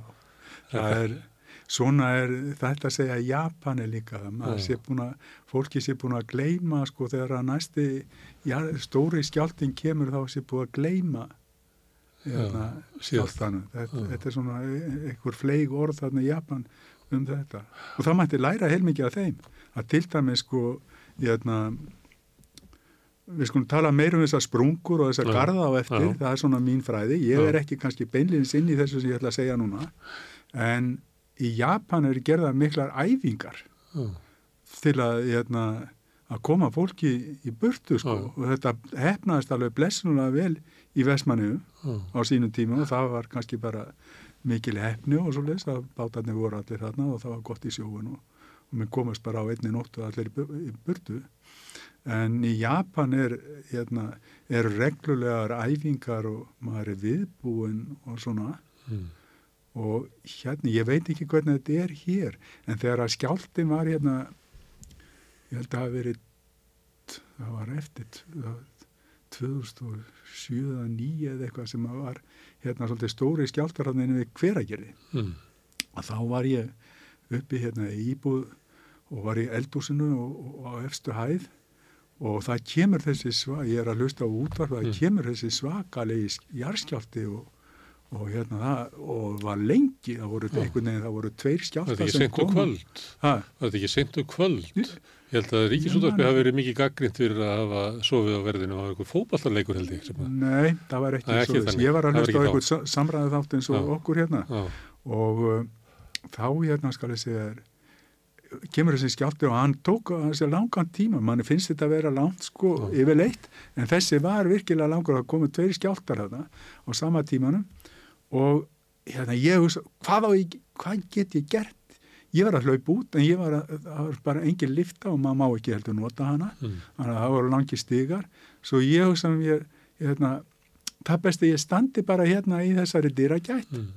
og myndi það að þá var til símaskrá Já, já. og í símaskráni stóð allt þetta, maður var búin að lesa þetta núna er engin símaskrá, það veit engin þetta lengur sko. Og almanna varna flautunar, það er engar svonleiðis æfingar hérna neitt. Nei, hugsa er það til dæmis í Þýskalandi Já. núna fyrir einhverjum þrem eða fjórum árum að þá var hérna nálægt Rínardalunum var mikið flóð og fóruðs margir og menn voru hissa þetta gæti gerst í Þýskalandi þá voru allar viðvaruna flautur það var búið að ákveða það að það er aldrei neitt meira stríð og það þyrft engar viðvaruna flautur það var búið að taka þetta allt saman niður. Í Sviss er einu sinni mánuði flautað á öllum, maður veit alveg hvað er að eh, sko, það veit allir þegar það kemur. Já. og hérna það, hér, hér þyrti sko það er nefnilega hérna, líki borgin er bölva helvits ófremdar ástand í hérna með þetta trafík Já, flóttaleiður úr borginni eru já og bara umferðin er svoleiðis að það bara ég er, ég er svakalega stressaður hér í umferðin að keira hérna að, að, þú verður að vera að koma með heimtíðin bara fyrir klukkan þrjú Já. og getur ekkit farið fyrir en að búa að opna eitthvað klukkan tíu. Þetta er vola stuttur tími og svo eru, eirum maður svona frettir í Evrópu stundum, já Íslendingar eru búin að stýtta svona vinnudaginn sko og hérna það, en svo sita ég bara fastir eitthvað stöðar í trafík. Eða tímanum í það. Herðu, hérna, já, þetta með eh, undirbúningin, ég hef átt vitul við Þorvald um þetta og hann hefur vísað í, í Japan meðal annars, að það sem er þessu tekið alveg ræða.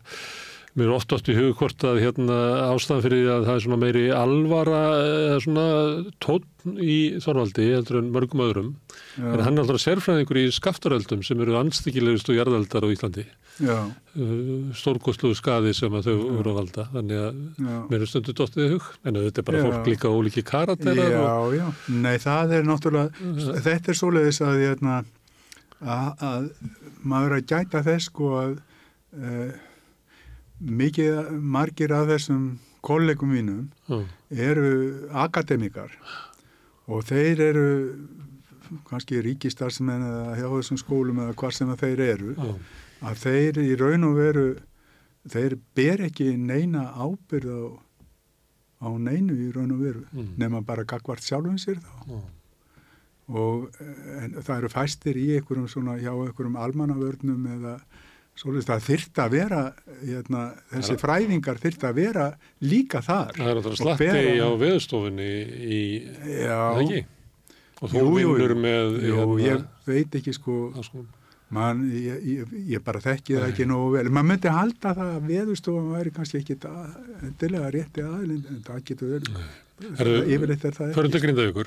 Já, Og þú segir að það er bara að brúa eh, gjárnar. eh, já, En þú gerir það ekki með en þetta er alltaf hreyfingu ennþá. nei, ekki, nei, það er Og hvað þarf það að býða lengi áður en þú segir hérna, já, nú er þetta búið í Grindavík, nú förum við og lögum þetta.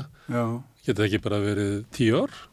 það, það veit það í raun og veru enginn, það geta verið tíu ár Já, og hérna, það sem að hérna, mun gerast, hvað rætt sem að það mun gerast, þá mun það færast í burtu þaðan. já, Það er engin spurning, alveg eins og þetta fer hérna frá hérna, faraldarsfjalli sem er hérna rétt hjá, Já. það hættu byrja aftur þar, en svo er bara, hérna, það er tímaspurning, þetta, fer- hvenær þetta fer eitthvað allt annað. Mm. Það, hérna, Reykjaneskaðin þó hann sé ekki dvoðalega stór að þá er hann samt sem áður þetta að það getur eiginlega farið hver sem er á honum. Já, já, en ef þetta fer frá Grindavík, að það Já. er ólíklegt að í þessari hrínu kom, komið aftur til Grindavíkur eða hvað? Það veit enginn um Það veit enginn. Nei, það kom til dæmis, sko, menn er að læra, hérna, er að læra alltaf að, Já. eitthvað af einhverju svona, sko, maður er að fylgja, það var gaman að fylgjast með því, því sem menn er að læra, maður les svona þessar fréttir og. Já. Og ég verið að gera smá fyrirvar á því, Mm. að hérna, uh, sumir segja ég tali ágæta íslensku svo leiðis, Mm. en ég hugsa á þýsku Já, og, hérna, og það getur verið ég sé að segja eitthvað e- hérna, kom ekki með kannski réttu orðin, ég vil hafa smá fyrirvar á því mm. en hérna og nú er ég búin að gleyma hvað Nei, við vorum að tala um hérna, tíman sem að það, þau þyrst að líða já, já, áður en að það Já, segja, herðu, nú er þetta búið í Grindavík, nú förum við og lögum skadan, því það getur verið hættulegt að reyna að laga skadan ef að skadin er ennþá að gerast. já það, það er alveg rétt. Og ég var einmitt að segja það að við erum að læra sko, hérna, bæði fólki hérna allt og eins vísindamennin er að læra alltaf eitthvað Mm. af þessu sem er að gerast. Og í raun og veru eru virðist manni svona þegar maður les fréttir af Mm. þessu að menn sé að læra í raun og veru alltaf eitthvað nýtt en þetta er löngu vita allt saman Mm. þetta er, hérna, og það er með þetta við, hérna, sem sagt, það er ekki gott að vera að laga þetta núna og ætla að flytja þarna á- meðan þetta er þarna að ske. Nú er þetta fyllast alltaf þarna á sama staðinum og þetta er að koma upp og þeir eru, eru blessunulega þarna að geta sagt hann að stuði upp á dag hvenar að hérna, uh, hvenar það muni koma næsta spíjan og hvar Mm. en í raun og veru hérna, í raun og veru er mjög erfitt að, að vita nákvæmlega hvar en það er til dæmis sem að ég ætla að segja það kom einhver, tíman kom það mjög snemma þarna í Fagradalsfjalli Já. að það var það, það, það, það gæti ekki gósið þar aftur af því gangurum væri storknaður Mm. þetta er svo mikil vitleysa sko Mm. sem að bara hugsa skýtur það var einhver fræðimaður sem saði þetta að þessi gangar að það tekur svo langan tíma einmitt niðri þarna á einhverju dýpi fyrir hann að kólna og ef að það kemur eitthvað nýtt upp að þá er fljótar að bræða sér þá leið ef það er engin önnur opin að þá er mjög líklegast að það gjós aftur á sama staðnum.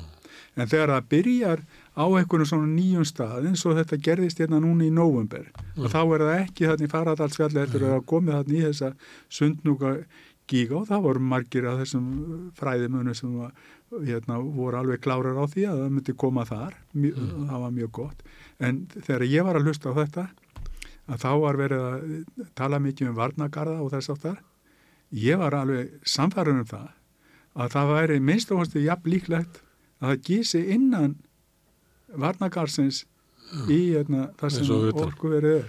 Þá svo komum við bara, að vorum bara mjög hefnir þar. En það getur verið að þetta sé líka tómvitlis því ég er ekki, ekki ég er ekki sko hérna, Þú ert ekki á vettvangi. ég, ég er ekki á vettvangi og þetta er ekki alveg mín fræðigrind og ég hafa á á þessu. Já, en ég vil eitthvað samt að halda áfram að spyrja þessu út í þetta þess það sem að virtist koma eiginlega flestum óvart var þessi kvikugangur sem að gekk undir Grindavík í byrju nóvumber og það voru þarna, þetta var á föstudags eftirmiddegi já, og, og hérna, ég hef talað við marga grindinginga og þeir hafa verið hérna við rauðaborðu og líst bara sinni reynslu af, af hérna, að vera inn í Grindavík á þessu tíma. Já, og einhver lísti því þannig að það var eiginlega bara dýrið í mér sem sagði mér að bara fara burtu. Því að það, það sem að var að gerast var eitthvað sem að þótt að þetta fólk hafi búið við sko jarðskjálta uh, bara mjög mikla undan fyrir þrjú ár og þá var þetta bara eitthvað allt annað svo og mér finnst alltaf svo merkilegt að, að það er eiginlega ekki líst hættu ástandi fyrir eitthvað nýjum kvöldið og rýminglu en ellum kvöldið, þá voru eiginlega grindingandi farnir af því að þeir eru náttúrulega jarðskjálta mælar sjálfur Já. og þeir áttu þessu ég á ekki að vera hér Já. og voru bara meir og minna ég farnir er úr bænum. fullkomlega samlega Já, þessu já. þetta er common sense Já, en það kemur þessi gangur hann undir sem að eh, mér finnst sko í, í aldraðandunum að þá er eiginlega enginn sem að var eiginlega spá þessu. Reynda sagði Þorvaldur sem við erum ofta nefna hérna og Já. var skammað mikið fyrir að ég myndi ekki sofa í Grindavík saðan, hann. Að einhverju tveimundum Já. áður. hár rétt já, og það, hann gengur hann undir. Já, og við veitum núna að það er svona, eh, svona nýfsegg sem að, að gengur hann í gegnum bergið já, af þessu kvikugangi og þetta fer undir bæinn. Já, Eitt er að horfa á bæinn að það eru þessi tveir sigdali sem hafa myndast. Já. Annar sigdalur myndaðist í þess, þessu, annar síðan setna. já, Þannig það er eins og sé annar kvikugangur að verða til. Hérna, það eru komið tveir sigdalir inn í, í Grindavík. En meðan það er svona glóandi raun í kvikugangi undir bænum, myndir þú svo í Grindavík? Það var, eh, sko, hérna, það var eh, alveg komin, löngu komin tímin á þegar að, að hérna, Þorvaldur segir þetta. Ég fylgist með því Já. alltaf bara, sagt, kannski á mokkanum, bara einhverja smá klausur af því ég get ekki lesið það blað, en ég- maður fylgist með, það kemur ný frétt, sko, ég held að ég sé með þetta svona í tímaröðinni. Þú Það var fylgist löngu- með í gennum skráargattir. Já, já. Það þetta er mjög góð líking og hérna, að það var löngu komið tímin á að, að hann segði þetta og þetta er bara, bara lofsvert af akademikar að koma Mm. með þetta Mm. að því að hann ber ekki ábyrð sem að það er ekki kannski, það var ekki endilega hans að segja þetta en það, einhver verður að gera það og það er mjög oft er það einmitt jarfræðingurinn sem að segir svona, ég get sagt þér það á eftir kannski Mm. um í jargangna gerð hvernig um vinnan er þar en þegar að þetta kom þá var mér svona hugsað já þeir hljóta nú sko þeir sem eru með eitthvað í kollinum, þeir hljóta að vera löngu farnir þarna það, þeir, þeir menn gera það ekki og, og grindvikingar hafa hérna, við, vissu þetta á þessum, og það segja, á þessum tímapunktu voru bara farnir í burtu og það er núna er, Ja, en það er ekki alveg, Björn, rétt að segja allir sem hefur viti í kollinu. Við erum út úr COVID og þá er búið að segja Já. okkur bara hlýði Já, vitlaust. við höfum alltaf að hlýða og við höfum bara að treysta yfirvöldum. Já, Þannig að það er alltaf verið að segja okkur það, sko. Það er Já, ekki verið að segja okkur hérna, hérna berðu ábyrðu sjálfur þér, fylgstu með þessu já, sjálf, já, já. hlustaðu á fleiri sjónarhótt. Það er frekar ekki, mér finnst að frekar farin inn á svona brauta við höfum bara að hlýða víði. já. Það sé ykkur sem átt að taka ákvörðu fyrir okkur. það er, sko, COVID var svakalega interessant eða áhugavert svona fyrir jarfræðing komin á eftirlun hérna, þetta var svo hérna, þetta var svo keimlíkt því sem að ég hef verið að fást við í sambandi við náttúrufa og það er þá meira skriðufull og hrun og eitthvað Mm. svoleiðis eldir en svona hérna, þ- þ- þessi hérna, eldgós og það Mhm. að hérna, Íslendingar fóru mjög í samanburði við aðra fóru þeir mjög vel að Mm. og hérna, ég ber mikla virðingu fyrir þeim sem voru hjá almannavörnum þar í forsvari, Já, hvort sem það var hérna, landlæknir já, og svo var, já, og svo var Sóttvarnalagnir. sóttvarnalæknir, Og Víðir alveg frábær og, og víðir Mhm. að það skulle vera lögreglumæður sem að hefur staðið sér svona frábærlega það finnst Já, mér ef já. ég ber þetta saman við það sem að var að gerast hérna allstaðar í kringum Já. og langt í burtu og það var náttúrulega þegar að, að hérna skal ég segja þér að Þau svona ó- byggu til svona tröst, Já. og þeir voru, hérna skal ég segja þér, öll sömul voru svona eins og ég í sjónvastætti að stjarnan sem að kemur í, í, í þessa stöðu Já. að þau, þetta var eh, sko fyrstu fundir sem maður sá að voru svona eh, það var bara, var gaman að horfa á það bara aftur sér til skemmtunar. Þegar þeir voru að byrja sem mm. voru ekki orðin alveg reynd einn skóluð í þessu eins og voru þarna fyrir rest sko, og, urðu fljótlega. En það var á þessum tíma náttúrulega ekki viti neitt í öðru heldur en að reyna að hlýða einhverju heldur en að vera að hlusta á alla sem að komu síðan og það voru alls konar veirufræðingar sem voru utan kerfisins og, og, hérna, og kom ekki fram og voru að segja eitthvað. Og maður náttúrulega tók allir tóku eitthvað frá þessum og hinum og reynda að búa sér til einhverja mynd til þess að fara eftir. En svo svona kannski var það hérna, óvittlaust að hlýða þeim sem að, að hérna, yfirvöld og þeir sem að uh, vissu kannski mikið um þetta allavega og voru undirbúnir með þetta líka því það er alltaf til áallanir allavega var það þannig út í Sviss var búið að útrekna þetta allt sem var að rekna með að þetta myndi koma eitthvað tíma þannig að menn voru tilbúinir mm. það er líka með jarskjálta Herðu, þá verðum við að taka hérna smá likju af því að það er eitt sem hefur komið sem að minnst hafa verið vaksand út á Reykjaneseldum af því að þá hefur verið talað um svona uh, ákveði svona svona, Íslendingar eru að að dæma okkur sem samfélag um að við gerum góð í, í sko, sprettinum og áfallinu Já. En við erum afleit í fyrirvíkunni og það, má, það er ekki bara reikinneseldar, við getum talað um húsnæðismál, við getum talað um heilbriðismál og bara innviði og alls konar hluti Já. að við erum ekki snjöll í fyrirvíkunni En ef að maður ætti að hugsa, þú veist, en hverjir eru góðir í fyrirhyggjunni, þá er það líka svislendingar sem að... Já. Það er ekki? Jú, ég hugsa Er þetta ekki svolítið ólíka þjóður? Þetta er mjög ólíkt sko. Það er svona, svislendingar eru, ég, maður stundu verið að grínast með það og ég gerði það þegar ég, ég erna, fór á eftirlaun í háskónu þá var maður látið það var svona þessi seinasta fyrirlestur sko. Mm. þá var ég að líka erna, eh, mataræði og hugsunarætti eh, svislendinga og íslendinga saman og gera eitthvað svona samanburð á því mm. og það er einmitt sko og það, þetta er náttúrulega svona, eru kannski frasar eða eitthvað sem mm. skýtur svona loft og er náttúrulega ekki rétt sko. Nei. en það er svona, að því að það er svolítið grín. Já. en það er alvara í Einfaldan geta hjálpa okkur að fá þetta, Já, eins og, eins og þú varst að segja þarna áðan að, að þú kæmi fyrst uh, til einhvers lands og gæti lesið það alveg og þú sérð svakalega mikið sko sem er rétt. Já. bara við svoleiðis fyrstu kynni þannig. Að ég er sviðslitingarnir þeir til dæmis eru þannig að það bara forðast sko, forðast að gera mistök mm. alveg reynd sko bara það má gera allt til þess að forðast mistök og fara varlega mm. og gæta að þér og svona mm. en oft finnst manni það vera hjá íslitingum að það er bara að læra mistökunum og mm. vaða bara í þetta og, mm. og, hérna, og sjá hvað kemur og það er ekkert verra út af fyrir sig Nei. af því að maður lærir svakalega mikið að mistum og einhver tíma saði, einhver ég held að það verið Bernhard Rössel sem saði það að munurinn á svona mjög snjallri personu og mm. einhverjum óvita mm. væri sá að, að allir gerðu mistök mm. en þeir sem að væri ekkert mjög vel skinni búnir eða mm. maður segi það var alltaf að gera sömu mistökin. Aftur, aftur. en hinnir var alltaf að gera ný Já.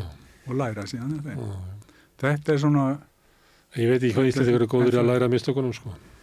Jú, jú, þegar ég er nú bjart síðan á það. Já. en það er svona það er náttúrulega líka svolítið sem manni finnst þegar ég er að horfa svona frá þetta líka þegar maður er að koma að hinga eins og útlýningur sko að þá finnst manni stundum hér og þetta var bara þegar ég flutti hérna til landsins 80, 84 mm. Og líka kona mér var að segja það er alls konar vittlisingar hér í blöðunum og í frettunum og svona eins og ég hérna núna hjá þér mm. sem er að segja eitthvað hérna mm. og berenga ábreðast að hafa ekki hugmyndum það er að tala um mm. sko og þetta er fólk að lusta á og svona það er, en það er náttúrulega bara gaman að því en það er úti þarna að þá uh, kemst ekki þar á blað Sko það, það eru hlýðverðir sem já, að passa það. Já, það er einhvern veginn svo leið sko. Ég, ég, ég veit ekki hvaða aðferði þeir ættu svo sem að nota sko. Stundu finnst manni hérna í umræðinu oft svona að vera að tala við eitthvað sem hefur þekkingu á þessu en svo verður alltaf að vera eitthvað, eitt bjáni sem að þetta verður þetta er til dæmis í það er mikil umræða núna með um innflytendamál núna. Já. og mér finnst vera lítið til, leita til þeirra sem að hafa eitthvað þekkingu eh, eða eitthvað reynslu, það er lítið talað við innflytjendur sjálfa, það er alltaf verið að tala um eitthvað fólk sem er eitthvað skoðanir á þessu. Já. eins og það Já. er sett að byggja mikið á því sko, ég held að segja því það, það er varu að verð en svo varandi íslendingar, það held ég sér líka að þú ert að bjóða þeim upp á tvo kosti annars verður hérna sem við höfum fyrir ekki leysi og svo bara koma svo og drífum okkur og reddum þess að það er en hérna er samfélag það sem er mikil fyriríkja að þá myndi Íslandíkur segja já, Ég held að þetta sé skemmtilegri hérna. ég held að, ég held að vera hérna Já, já. að því að mér Já. leiðist svo í þessu samfélagi. Já, þetta er, hérna, svislendingar eru frekar þungir, sko, Já. þó að þeir hafa þetta fallega land og allir hafa þetta svona gott. Þeir eru ekki fræði fyrir húmor. Nei, þeir, þeir eru, nei, akkurat ekki, sko. Nei. Og það er náttúrulega til, sko, en hérna, það, er, það er ekki, En hins vegar, af því að líklega er þetta svona stífara samfélag heldur en flest, að þá höfum við náttúrulega þessi listasögunni að, að inn í borgonum snemma á, á, á 19. öld, þá, eða á 20. öld sig, að þá hérna voru datarheifingin verður til hérna og það er svona það sem að þegar að, að hérna, sköpun og óþekkt rýfur af sér svona þykka klakabrinju þá kemur oft eitthvað sko ævindilega skemmtilegt úr því sko. já, það gerir það, Já, ónætanlega. já, þannig að Það þarf að vera eitthvað svona, sko, eitthvað frumlegt og, og hérna, það, það þarf að verða að fá að þróast og blómstra. Já. Herðu, aftur til Grindavíkur. Þú Já. nefnir varnagarðana. Já, Hvað? það er svolítið skrítið líka með þá. Já, ég veit ekki hvort það má, jú, jú, ég má allt, ég, en það hef ég engar ágjör Þú ert eftirlunamaður, já, þú ert, er bara þú ert frjáls. emeritus og, og, hérna, og bara, já, og ég geri það orðið að, hérna, til dæmis á kostningafundum þarna út í Svið, sko, það er ekki kostningafundur, þetta er bara að ræða ykkur málefni og þá er tekið til máls. Já. og hérna, Við erum svolítið á því, við erum, ég ætla að skjóta því inn, hérna, því við erum svolítið á því hérna við rauðaborðið, að okkur beri að tala um, hérna, tala upp átt um Já. hérna, hugmyndur okkar um samfélagið. Því að þannig byggjum við upp samfélag. Ef við þegjum, að þá erum við að brjóta niður samfélagið. já, Þetta það er, er svolítið, sko, svislendinga, það er sagt hérna um svislendinga að þeir séu með kreftan nefan í vasan. það segja ekki. Það segir svo, já, það er svolítið öðruvís. Tuði, tuði svo þeir eru komin heim. Já, en við vorum að koma með varnagarðana. Það er hérna, Íslendingar hafa, og það kemur inn á þennan hugsunar átt Íslendingar líka. Mm. að hérna, sko, það var byrjað að tala um þess að varnagarða bara strax þarna í sambandi við, sko, þegar þetta var í í uh, geldingadölunum og þá voru gerðir, eh, ég, Já, var gerður einhver varnagarð. Já, reynt að gera það fyrir Geldingadali. Já, og það er bara mjög gott að skildi hafa, hérna, menn hafa farið út í einhverja svoleiðis uh, hérna, prófanir og rannsóknir því það er nú oft sem að þær eru ekkit mjög hérna, ekki sett nægilegt fyrir í það og þannig Mm. en, og, en þeir voru að setja þarna að mér skildist varnagarði þvert yfir eitthvað dal þar sem að raun var að renna og það náttúrulega alltaf að mæla og kanna ímislegt sko hvað gerist í því en þetta er í raun og veru sko bara vitleysa. Þetta er ú- útilokað að ætla sér að fara að stoppa eitthvað raun í einhverjum dal. Þetta, en menn höfðu einhvern veginn haft sennlegast í kollinum að það hefði verið mjög hérna, gott að, að hérna, þegar að gósin voru þarna við kröflu að þá voru notaðir þar varnagarða og þeir björguðu algjörlega hérna, virkjunni og þessu frá því að það var hægt að halda áfram að byggja mér sér að byggja virkjunna og meðan að þetta var, allt saman var í gangi þarna tíu ára frið, bilið sko, það byrjaði þannig að það var verið búið að setja grunninn undir hérna, stöð, í stöðvarhúsi sko Mm. og það var verið að mæla hugsaðir það, það var verið að mæla þar með geodesi sem er svona landmælingatækjum sko, mæla alveg upp á millimeter hvar túrbinan átt að vera því þessu átt að koma leyslun og, þetta, og þetta mátt ekki treyða, þetta var að vera náttúrulega alveg reynd nákvæmt eins og þetta er í öllum svoleiðis virkjunum Mm. og vassapsvirkjunum og hvað sem er að þá bara, hérna ég segja, gerist það bara eitt góðan við þetta og að þetta dettur bara niður um 1,9 metr. Ja. svo, svo er haldið áfram í 10 ára að byggja þessa virkjun og það gekk. Að Hún var menn, betri heldur en, hún var betri með árunum. getur verið það. Er mjög, ég skildi Já. það, það kom- kom meiri orka upp. Já, við skulum hugsa um það líka, að allt þetta sem er að ske, þannig að maður hafi líka þá sín að þessi góðstann á Reykjaneskaganum og í Svarsengi, þau eru náttúrulega að viðhalda þessu kerfi líka upp. Og hérna, ef ég man rétt, þá var helliseiðar virkjun einhvern veginn komin á, sko, á, á þau mörk að það væri verið að taka jafnvel og mikið þar úr. Það var runnið upp fyrir fólki að þetta Já. var ekki endur nýjaleg orka, Nei, nei. þetta var þetta líkara námugreftri og það var verið að tæma kerfið. Það Já. var alltaf verið að stinga fleiri og fleiri rörum ofan í það til að halda þessi virkjum gangandi. Og elstu virkjanir í jarðvarma virkjanir, það sem að rama, það sem fyrsta skipti rama var hérna, unnið í jarðita, það er í Toskana hér aði og það er stort og frækt svæði þar. Það er löngu komið sko yfir og ma ef maður fer þangað og skoða línurinn þá sér maður alveg hvernig það er að detta niður sko, bara mjög hægt og Já, rólega. bæði hiti og þrýstingur. Já, og þe þetta er að viðhalda þessu þannig að við mögum ekki gleyma því að þessar virkjanir eru þarna af því að þetta er. Já, Já, tjóðlinn er að kynna undir þeim fyrir okkur. Já, já. Og hérna, en í sambandi við vatnagarðana Já. þá komið sem sagt þessi reynsla, menn það er eins og menn hafa bara einhvern veginn vita það að það hafi verið gerðið þarna varnagarðana en við erum búin að gleyma öll öðru Mm. í sambandi við það. Þannig að ég, fyrir mig er þetta svolítið, ég er einhvern veginn dagaður upp, hana, hef dagað upp í Sviss eins og tröll Mm. og man þetta allt saman eins og þetta er gert í kær. Já, Ég, ég held mér að segja fyrirlestur um það, um kröfluvirkjum þegar ég var átt að vera prófessor á það við háskólan, þá tók ég það sem dæmi, en, en að það er annar, annar handlegur, en þar, sko, svo kemur, svo, sko, svo, svo kemur eitthvað frétt að það er, er verktakar Mm. og verkfræðingar kannski eru búin að sjá það að, og jarfræðingar voru að segja að það er að gera þarna varnagarða og, Mm. og búin að reyna þetta og svo þegar að, hérna, er verið að tala um það að þurfa að gera svoleiðis garða og bara drífi í því Mm. og, hérna, og það var ábyggilega alveg rétt sko hérna, að það þurfti að gera það Mm. sérstaklega við þarna fyrir virkjunna Mm. en uh, í þessari fræðigrein hjá mér þá hefði það verið gert öðruvísi sko Mm. en það er ekkit víst að það hefði verið betra endilega Nei. en það hefði verið gert þannig að það hefði verið gert alveg líka náttúrulega eins og var gert þarna á landslægin og hvernig að raunni gæti farið þarna og það hefði verið undibúið hvar efnið er tekið og það hefði kannski byrjað á að byggja hann eitthvað staðar en það hefði alveg öruglega verið skilin eftir einhver op á þeim stöðum ef það gísi innan þessa rings Mm. Að það var, það hægt að láta raunni renna þar út úr Mm.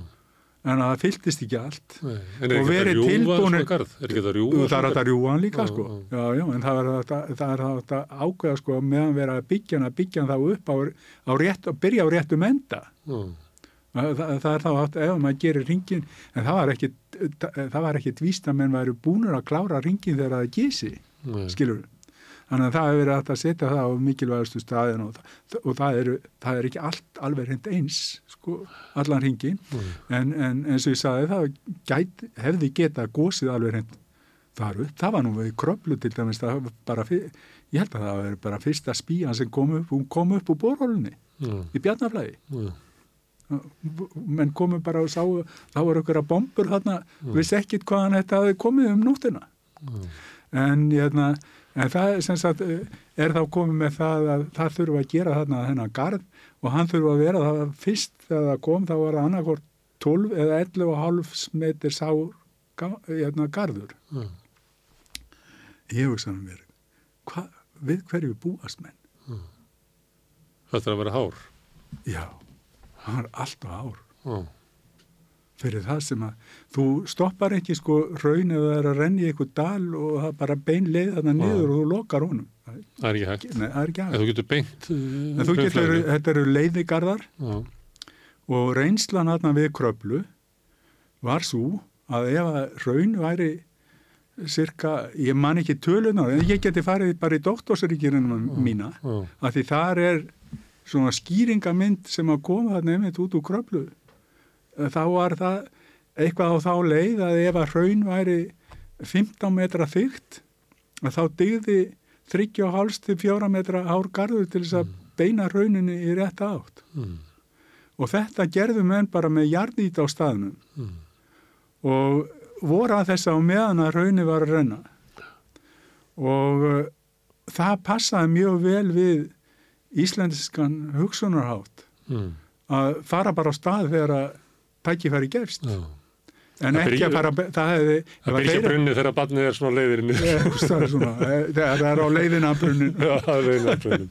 en, hérna, en svo er náttúrulega er þessi raun eru voru að mismunandi en þetta segir svolítið og á þessari mynd sem ég var með að það er mynd einmitt þarna frá sveifluhálsi hínum megin við vatni sko og það er svona jeppaslóði sem er meðfram fjallinu Já, ef maður er upp á þessum móbersrygg og horfið þarna niður og þá sér maður raunin öll sem er að koma af að komið þarna að ryggnum sko og, og stoppa við hann og, og fara meðfram honum að þau enda öll svona, þetta er svona uh, eins og fjallslíð Mm. svo kemur raunið, það kemur hérna það fer ekkit hérna beint eins og vatn Nei. í sömu hæð og raunið er það fer bara hérna, það beigir svona Mm. sem sýnir það að það, þessi hlýð sem er þarna niðri, hún dugar til þess að stoppa það. Og það sem gerist í þessum raunum er að það er sko, raunið er að kólna Mm. og jaðarinn er að kólna kannski mest og hann er að brotna þannig að kem, kemst betur að honum, loftar að honum til þess að hann kólni Mm. og þá er, þó að kvikan sé sko fljótandi, að þá ertu komið með í þennan jaðar, ertu komið með hérna, efni, Mm. svona segja það sé bara efni, Mm. það er ekki kvika og það er ekki orðið að föstu hrauni, heldur er þetta sem er kallað á elendist dúktíl Mm. efni, að það er de mjög deikt Já, og það er við það að storkna. það. En, en það er kannski ykkur um 500 sulta. gráðu. Já, þetta er mjög deikt og segfljótandi og fer þarna niður og það er nýðstert. Það er sterkara heldur en raunið sem að verður þegar þetta er alveg storknað Já. af því að það er svo deikt Mm. að það er svipað að það haga sér eins og stál, Já. eins og málmur en ekki eins og brotætt gler sem að raunið er Og hvað merkir þetta að ef að þú býr til svona leiðigarð og þá er það jaðarinn á hrauninu sem er svona sterkur að hann raunverulega hleður upp uh, varnar Já, hann kemur að einhverju fyrirstöðu, bara neðst, sko, og fer að bókna svona Já. og hann finnur það, þetta, hann finnur, þetta, þetta er lífandi jörð, sko, hann finnur það er ekki hægt að fara, það er fjall þarna, Já, en ég, það er annarkort þangað eða þangað, hann finnur það leið hvort það er niður upp. Já, og ef að við myndum skoða hérna, ég verið að segja vinu mínu, skoðið hérna myndina frá Grindavík, mm.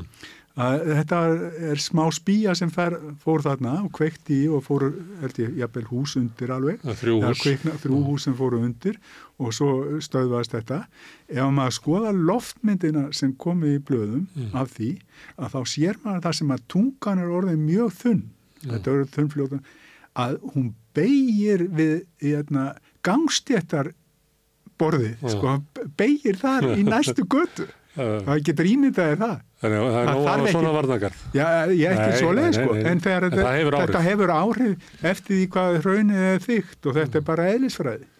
En varnagarðin sem verið ofan hérna Grindavík, þar sem að þessi spýja kom úr sprungu sem að var fyrir innan varnagarðana, en þeir voru ekki svona háir, þeir voru ekki 11 metrar. Nei, menn Þeir- voru að læra, læra alltaf að þessu sem betur fyrir, sko. Þeir Það er einhver að komið leiða- og sagt, heyrðu, á kröflu var þetta ekki svona.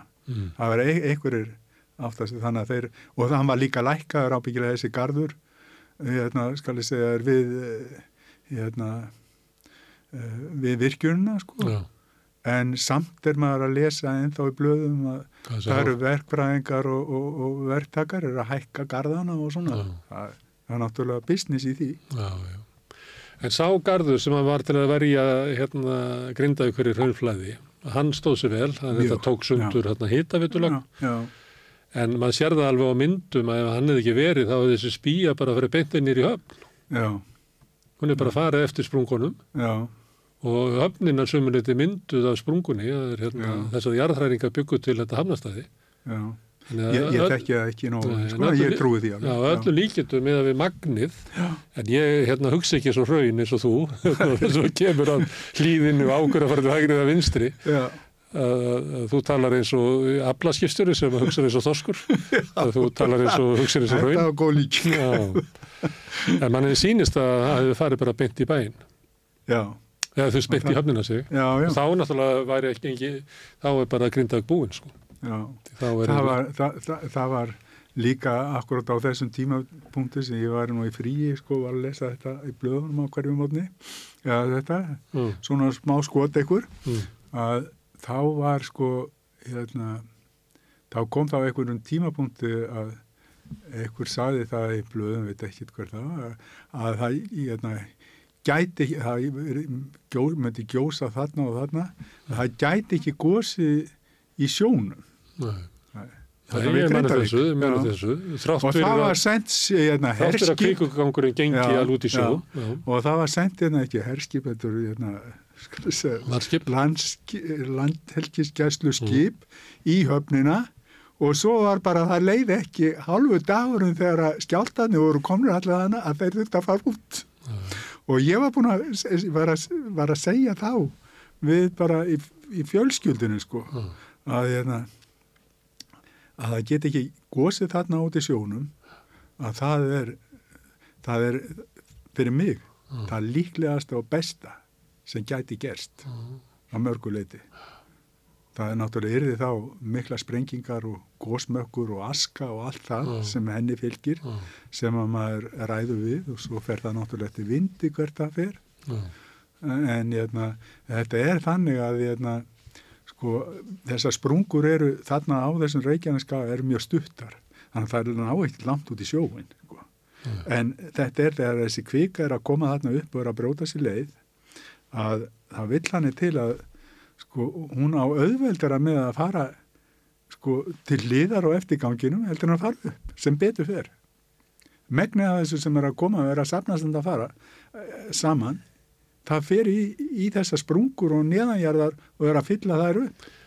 Kvikan Þa, og, og, og, þá, og þessar sprungur Mm. það er ná alveg sko alveg út í sjóin já, sem staðar mm, og geta alveg opnast það langt þó að það sé ekki tugir kílómetra eins og er á landregsvæðunum sjálfum. Mm, þetta eru miklu stittri sprungur. En, en, en þær geta náð þarna úti og það er ekkit sko það, það hefur gósið þarna í sjónum ekki bara á reykjanum skaganum sjálfum. Já, e e ekki, ekki bara á, á, á, á hérna, uh, hvað segir maður á, á, á rignum sjálfum sko, já, beint út í, í, í haf. Já. heldur líka þarna þetta getur náð alveg út í sjóin þarna við ströndina. Þetta segja að kvikan er auðvöldra með að fara eftir eh, hérna kvikuganginum já, og svo fer hún upp. En það er stiðst upp eh, í sjónum því að það er landilagst já, já. Er það, þannig, verið- þannig það að, líka það, já, já. það sé bara líklegra að fara í komið Mér fannst það fannst það líklegt þarna í Grindavík þegar þetta var. Mm, þá var ég eiginlega samfærið um það að það myndi, þetta myndi fara þarna út í sjó. Mm, en svona hefur maður ekki alltaf rétt fyrir sig sko, sem betur við þannig að þetta eru svona þetta eru það sem að líka kollega mínir er að velta fyrir sér og við vitum óskup lítið um það. Ef við hugsaum það til dæmis bara hvaðan er þetta að koma? Það verður að tala mikið um það sko að hérna, við erum fylgjast með þessum skjáltum þarna kannski nýra á eitthvað 18 kílómetra eitthvað svo leis 12-18 kílómetra. Og þar er þessi kvika eitthvað staðar er að sapna saman og, og dokar þar við og fer síðan eitthvað staðar ofar og sapnast þar enn saman. Og hún er að myndbreytast og, og breytast að sjá það í á kvíkunni sjálfri Mm. á raununum sem er að koma þarna upp. En í raun og veru sko er þetta uh, efni þetta er, það, það, er ströymur að efni á þessum jötna, uh, miðallasrygg þetta er að koma í rauninni sko af 2700 kilometra típi mm. og við erum að skoða það er mikið eða lítið? Það er mikið. Það eru núna gos í gangi hérna á, á hérna, miðallasrygnum á mörgum stöðum, bara núna. Mm, Þar er, þar er að mynda spólstraberg og gangar og, og allur fjandinn og við sjáum það, ef, ég fylgist ekkert með því hérna, á öllum, öllum heiminum en þessir hérna, hérna, miðhafsryggir liggjum allan heiminn sko og all, allt allasafið og, og þeir fylgja þarna eins og bara útlínunum á Afríku og, Mm. og hérna og Suður-Ameríku og þú er ábyggilega séð myndirnar Já. af þessum kortum þar sem er teiknað eins og landslag sko já. neðanjarðar, þar eru svona brotabelti eins og eru hérna á Reykjaneskaganum þau eru þar bara í þúsunda, hundruð En munurinn er það sko. að, Ísland er á þessum hrygg, en Ísland er upp úr sjó og Ísland er með alla, hérna, hvað heitir þetta, hérna, landgrunnið? já, landgrunni, já. Já, en það er ekkit að hinum megin, þannig að Ísland er, er það ekki vegna þess að það er einhver heitu blettur undir okkur sem að... Jú, það er, það er vafalust ástæðan fyrir því og hann er búin að vera lengi sko og, og hérna, þessi heiti blettur mjög spennandi sko og hann, hann hefur verið sko, það er þetta að fylgja honum alveg eftir. Sko hve- hvernig hann, hann, sagt, hann er á einhverjum föstum stað en svo er allt að færa sko bæði svona út en svo er það ekki bara að þetta er að færa svona út heldur er, er þetta allt svona á þessari Já. hreyfingu líka sko. Þannig að þú getur séð hérna farið eftir hennan heita blett að það, það liggur í hafinu þetta fer yfir vestfyrðina Já, og síðan yfir til Grænlands já, og þar langt yfir í Sýberíu á síðustu einhverjum hundra miljónum ára. Já, sem er bara augnablík í huga. Já, og, og við sjáum að það er eiginlega farið yfir, yfir Ísland sko, ef að við góðu vinum minn var hérna og besti vinum minn var orkumálastjóri, hann var ótt að tala um það að hérna, Íslitingar að reyna að vika út sko sitt yfir á það svæði, hann hafði með að gera hérna, líka nýtingu á öllum jarðefnu, hvort sem það væri ólja eða jarðefnu, það er mikið jarðefni hérna, er einmitt að myndast á þessum hérna, miðallars hryggjum sko, Mm. að Ísland ætti í raun og veru sko réttin á þessu öllu saman bara alveg hreint já í raun og veru bara allt hérna suður allan safið sko, þess vegna. Já,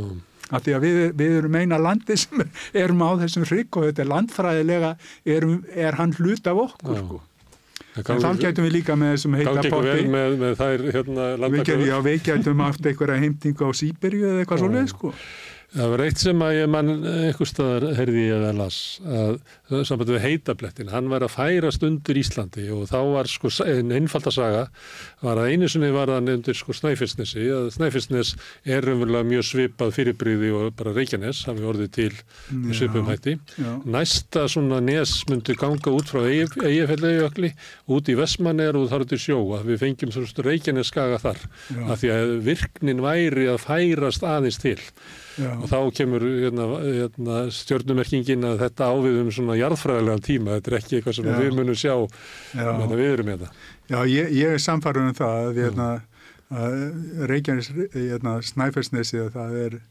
um, bara mjög hliðstætt sko Reykjanesinu og Reykjurinn hefur gengið þar út og þetta hefur marg oft gerst og það er alveg örugt mála hérna, að það eftir að myndast nýr svona hryggur hérna út í hafinu fyrir sunnan. Og þá frá Eyjafjallajökli, út Já, í ég veit ekki Vestmannaeyjar, hvaðan- út já. í Sussi. Já, og svo myndi hann einhvern veginn hlýðrast öðruvísi, sko, tengjast öðruvísi hérna, miðahallashafsrygnum sjálfum, sko. Mm. Hvort það er eigafjallajökull eða það get, getur vel verið, sko. Ég er ekki- með alls konar kenningar um hvað er- verður gos, það sem að ég er að býða eftir, sko. Að þú ert að tala um eigafjallajökull og, og hvort, nei, þú ræður því. Nei, bara hvað, hvað er tala þetta um að býða eftir? Ég er búin að vera að býða mjög lengi eftir hérna, að kalla að gjósa. Og hérna og maður er ekkert að óska sér svo sem að, að það er en, en hérna, því að maður veit að það á eftir að gerast, hún er komið löng á tíma Það er að það væri búið alveg gaman að lifa það Já. að fá að sjá svoleiðis sko spektakel og ég held að það sé ekki svoleiðis þe- þessi gós sem eru hjá okkur þetta er ekkert svoleiðis að við ráðum ekkert við þetta ég, þó að það sé margt undir á Reykjaneskaganum ég er alveg samfærum um það að Íslands þjóðfélag mun ráða við þetta en kannski ekki með þeim aðferðum sem að verið er að gera akkurat núna Mm. en það sem að ég sko er að búast við og vildi gætna sjá. Og það er náttúrulega langt í burtu þannig að það væri bara góðustag kannski. Að hérna, það er að fyllast þarna sko líka í bárðabungu Já. það er alltaf einhverju skjáltar þar og það, þeir, það, þeir sem sjá það eða fylgjast með því vita meir um það en heldur ég, en það, það er einhvern veginn er það að undibúa sig hvena sem að það verður aftur. Mm. og ég samfærið um það að, hérna, að þegar að, að hún gís aftur Mm. að þá mun svo sprunga fara í suðvestur. Og þetta var allt þarna yfir í þetta hóluraun og þar að þetta, þetta er bara 80 kílómetra eða eitthvað svo leis þá munir þetta fara í söðvestur og eins er með köllu hún er á svæði sko það, sprungana það gengur þá líka í, sem sagt, í norðaustur og það er ekkit sko ólíklegt En byrju, nú skil ekki, sprunga sem gengur í suðvestur og sprunga sem gengur í norðvestur, nei, norðaustur. já, Er þetta ekki bara eh, sama línan eða? jú þetta er sama lína en þú ert með sko, jú þetta er sama lína Já. sko þú ert með svona sem að kalla central vulkan Mm. Það er hekla og snæfellsjökull og það er barðabunga og krabla og Mm. ímislegt annað, ekki í Reykjanesi. Eh, það er svoleiðis og þau eru sagt miðjipunkturinn uh, yfir einhverju stóri kvikuþró djúpt niðri og svo þegar það gísa þá eh, hérna, myndast þessar stóru sprungur og það er fylla síðan og þessar sprungur það er að myndast við þetta landreik þar svo í barðabungunni Mm. og hérna, þegar að, að, hérna, að þetta gerist þegar ákveðin spenna er komin, hún er bú- búin að vera myndast lengi sko. Og þegar þetta gerist eftir mjög langan tíma að þá myndast þessar stóru sprungur. Af því að spennan er orðin það mikil að það, hún heldur ekki þessu lengur. Og ef að það myndast aftur eins og þarna í barðabungun kemur aftur einhver, einhver, einhver spenna sem getur sett eitthvað svona í gang að þá er það búið að gerast núna í norðvestur. Í norðaustur Mm. þá er það búið að gerast. En þegar það kemur næst að þá er búið að er ennþá svo mikið spenna í hina áttina. Mm. það er líklegt að það opnist frekar í þá áttina. Það held ég allavega. En breytir það einhverju fyrir okkur? það breytir miklu fyrir okkur sko. Að, af því að þá gætu, þá gætu landmannalögar og torfajökull gætu farað á stað Mm. og það er þegar ég segi þetta svona kollega mína þeir segja að ég er svona elli ær Já. ég er alveg samfærun um þetta Já. og, hérna, og meiri segja að kalla gæti komið er þetta er það langt sko og, þetta, og þessi, sva- hérna, þessar sprungur Já. og það sem er sko undir hérna, uh, undir torfajökli að það er talsett mikið sko annars konar bergi, súrubergi Mm. en ekki þessu basíska sem að vanalegt er og uh, það það berg Mm. líka djúbergi sem er storknað niðri og er súrt að það bráðnar við miklu lægra hýtastig heldur en þessi basíska Mm. hérna, basíska berg. Þannig að svona en í þessum eldfjöldum eins og barðabungu það kemur upp basísberg og það er mjög heitt og þumfljótandi en það getur til þess að að setja hitt í gang, það getur bræð, ef það nær inn í þetta svæði að þá mun það bræða upp hérna, það berg og opna leiðir fyrir kviku þaðan. Mm. Svip á borhólan í kröflu.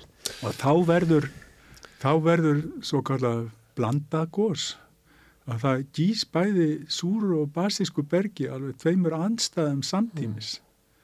Og þetta gerðist hérna, þetta gerðist um landnám. Þetta er svo kallað landnámslag sem að minja uh, hérna, fordleifafræðingar Mikið öskulag sem að laðist yfir all landið. að, já og það er bæði sko ljósvikur og svartur í því Mm. og uh, það hafa oft orðið svoleiðis gós sem að hljóta að vera svolítið mikið spektakel af því að súru gósin hafa sprengivirkni Mm. og hérna, þau eru þegar, að, þegar að er sprengigós í þessu basíska bergi eins og er alltaf hjá okkur þá er yfirleitt, þá er vatn. Annarvort þegar að gjósi í sjó það er að gjósi í jökli Já. eða í ykkur vatni og þá blandast þetta og síður allt saman og, og, og, og gasið eða vaskufan og þetta kemst ekki út sko. Og þá hérna, og sérstaklega ef að bergið er súrt að þá er það svo deikt og seikt að þá eiga þessa gufur ennþá verra með að komast út úr, út úr kvikunni. Já.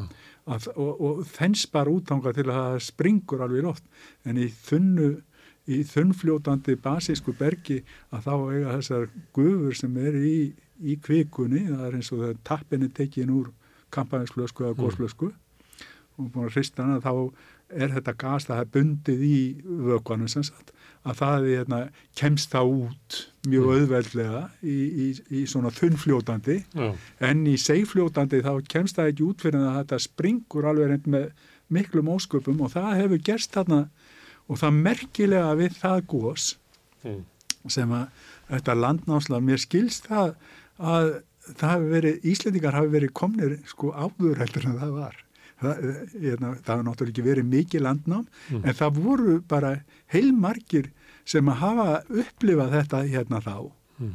og það er svo merkilegt sko að ég er með þá kenningu að þeir hafa bara steinhaldi kjaft yfir þessu Já, af því að það var hugmyndin hjá þessu fólki hérna það vildi komast til Ísland og byggja hérna upp nýtt þjóðfélag já. og þetta var ekkit mjög hérna, sko, góð Nei. auglýsing að vera með þetta En það voru fréttir í Og gæ, þeir- gærum það að að það fari fækkað bresku túristum að því að út af fréttaflutningi af, af elds, eldsumbrútum við Grindavík. Það var bara mjög gott það væri mjög gott að landnámskynnslóðin hún hérna, þægði yfir þessu vitandi það að, að fréttir af eldsumbrútum myndu ekki lokka fólk til Íslands. Nei, þeir hafa, maður sér þetta og ég er hérna, í svo slemri stöðu þarna út í Sviss að ég á bara mm, gamalt bókasafn og ég reyna að svona halda málinu við með því að lesa íslenskunni. Já, Já. og ég hérna, er með sko, fekk í fermingagjöf Íslendingasögunar allar í einhverju Mm. geitarskins bandi og er með þetta bara og er búin að vera marg lesa þetta Já, og er búin að fara í gegnum þetta Mm. meir og minna sko bara eiginlega hallari já, og það er svo sláand að sjá hvernig það er að hugsa sko. það, það er til dæmis sko saga grænlendinga og, og hérna, Eiríksaga Mm. að er í raun og veru eiginlega hundleiðið sko. Mm. það er ekkit það er ekkit og margi sem að er að lesa það Nei. af því það er ekkit þetta að jafna því sama við að eglega njálega eða yrbyggja sig eða eitthvað Nei. svoleiðið sko. en ef þú lest það að þá kemur það fram að, hérna, að, að og það er eiginlega eina bara, það er smá klausa sem er þess virði sko, að þessi bók skulle vera til mm, að þá segir hann að við skulum kalla landi Grænland mm, af því þá munum mörgum finnast það vera eh, góðu kostur að, Mm. að flytja þanga og þess vegna hafa þeir ábyggilega ekkert verið að tala mikið um þetta. Mér minnir að sé að annað góð sem hafa verið í kringum, 1900, eh, kringum 930 já, sem að bara hefur verið bara heilmikið sko. Og þá erum við nú bara að stopna þarna þetta þing og þá er náttúrulega í, hérna, búið að myndast innan Mm. þjóðfélag að það er ekkert um þetta neinstæður að finna eða lítið kannski var þetta bara hverstastlegu hlutur. þetta var ekki hverstaslu hugsaður þeir eru að koma frá Nóri Já, þetta, hvað heldur þeir hafa verið að hugsa þegar þeir hafa síðan allan sandin hérna, Já. e, hérna Leifur Eiríksson og Ingólfur Arnarsson Já. þeir koma hérna Það var ekki alveg eins mikill, mikill sandur, það var Hjörleifsöði var þá að eiga. Já, já, Já, þeir tóku þarna land þarna bara undir hérna Öravæjökli sko. Já, og hérna, ég þetta, þetta lítur að vera alveg svakalegt sko. Sjá það er náttúrulega verið hérna, skói vaksið og allt það. En þú, þessi þessa, þessa sveitir þarna á gósbeltinu og þessi svarti sandur þetta lítur að hafa verið verið hérna þetta hefur- lítur að verið mjög áhrifaríkt að já. Þetta er stundu notað í bíómyndum núna til þess að vera Mars eða eitthvað út í geimnum. já, já, Þetta hefur verið þannig áruf sem það verið. Herðu, aðeins eitt í varðandi hérna jarðverkvæðina. Að það er mikið talað um að hérna bora göng, leggja vegi. já, Uh, Svislendingar hafa borað hérna, eins og svislenskur ostur albanir. já, já, Færingarnir eru bara ótrúlegir reynd Þeir bara bora hérna, marga kílómetra til þess að krækja í einhverja byggð sem eru 700 manns eða eitthvað.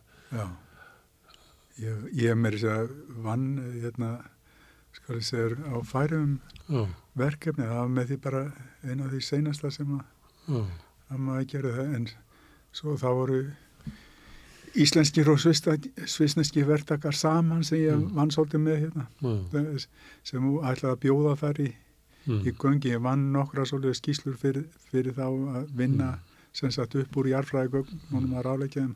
Ég var ólega sáraður hættu við að bjóða í þau göngu. Það hefði verið gaman að, því ég hef aldrei komið til færiða. já, Það hefði verið gaman að, og það voru göng svona, þau voru bara í uppsílun sko. Það voru gatnamót og þetta tengdi þrjára eigjar saman.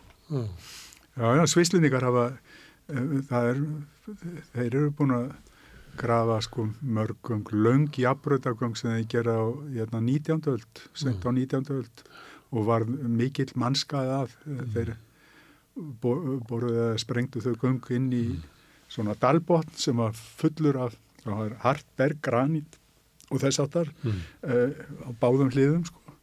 og svo var bara dalurinn svo djúpur að það var bara laus, laus jarlög og möl full af vatni já, sem að er bara einn sprenging og þá kom bara bunan og, og, og, og dröflu og möl og reynsa út og, dó allir sem að þar voru inni. Og þau göng það er, hérna á milli eða í vesturlutanum í Sviss sko, og maður sér það til dæmis sko, hvernig þau gö- göng liggja. Það kemur svona og svo gera þau bara svona. Já, til að fara fram hjá til að fara fram, komast fram hjá þess En eh, þetta minnir mann, þetta er náttúrulega var ekki svona skaði í vaðleðagöngum en þar kom heitt vatn öðrum megin og kallt vatn hinnum megin og menn réru í vinnuna í, já, Já. það, það er leikrit hérna já, já, ég er búin að sjá að, það. ertu búin að sjá Já, gaman að því? Jú, Ég var hugsa um gaman það. að því.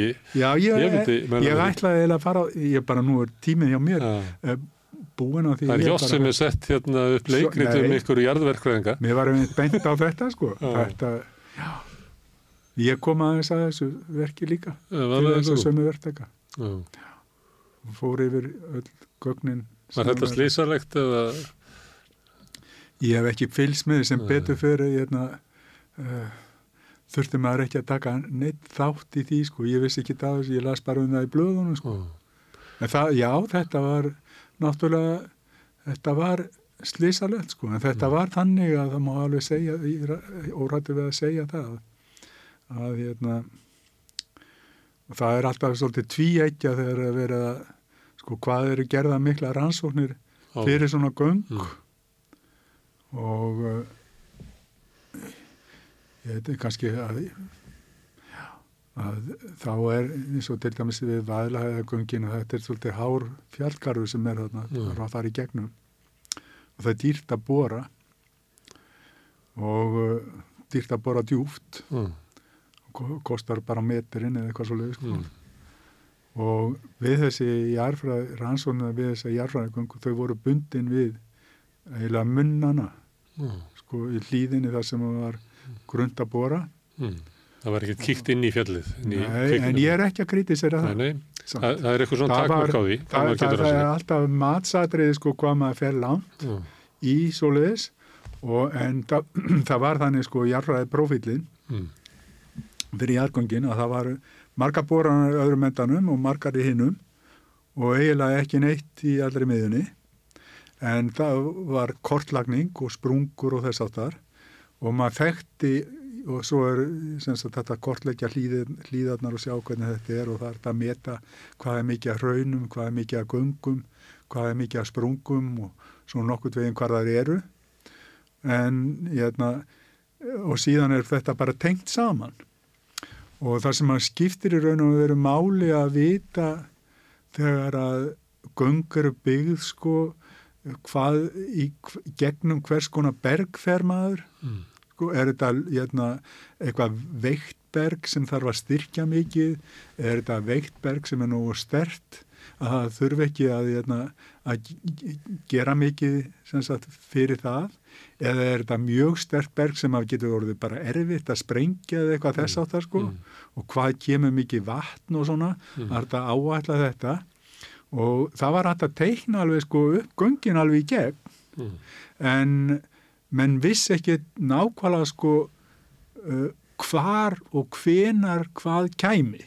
Já. af því að það er, það er bara svona interpretasjón og interpretasjón getur verið bara fantasía. Það er bara hvað hefur sá, hvað getur sá sem er að teikna þetta að ímynda sér vel hvernig það er.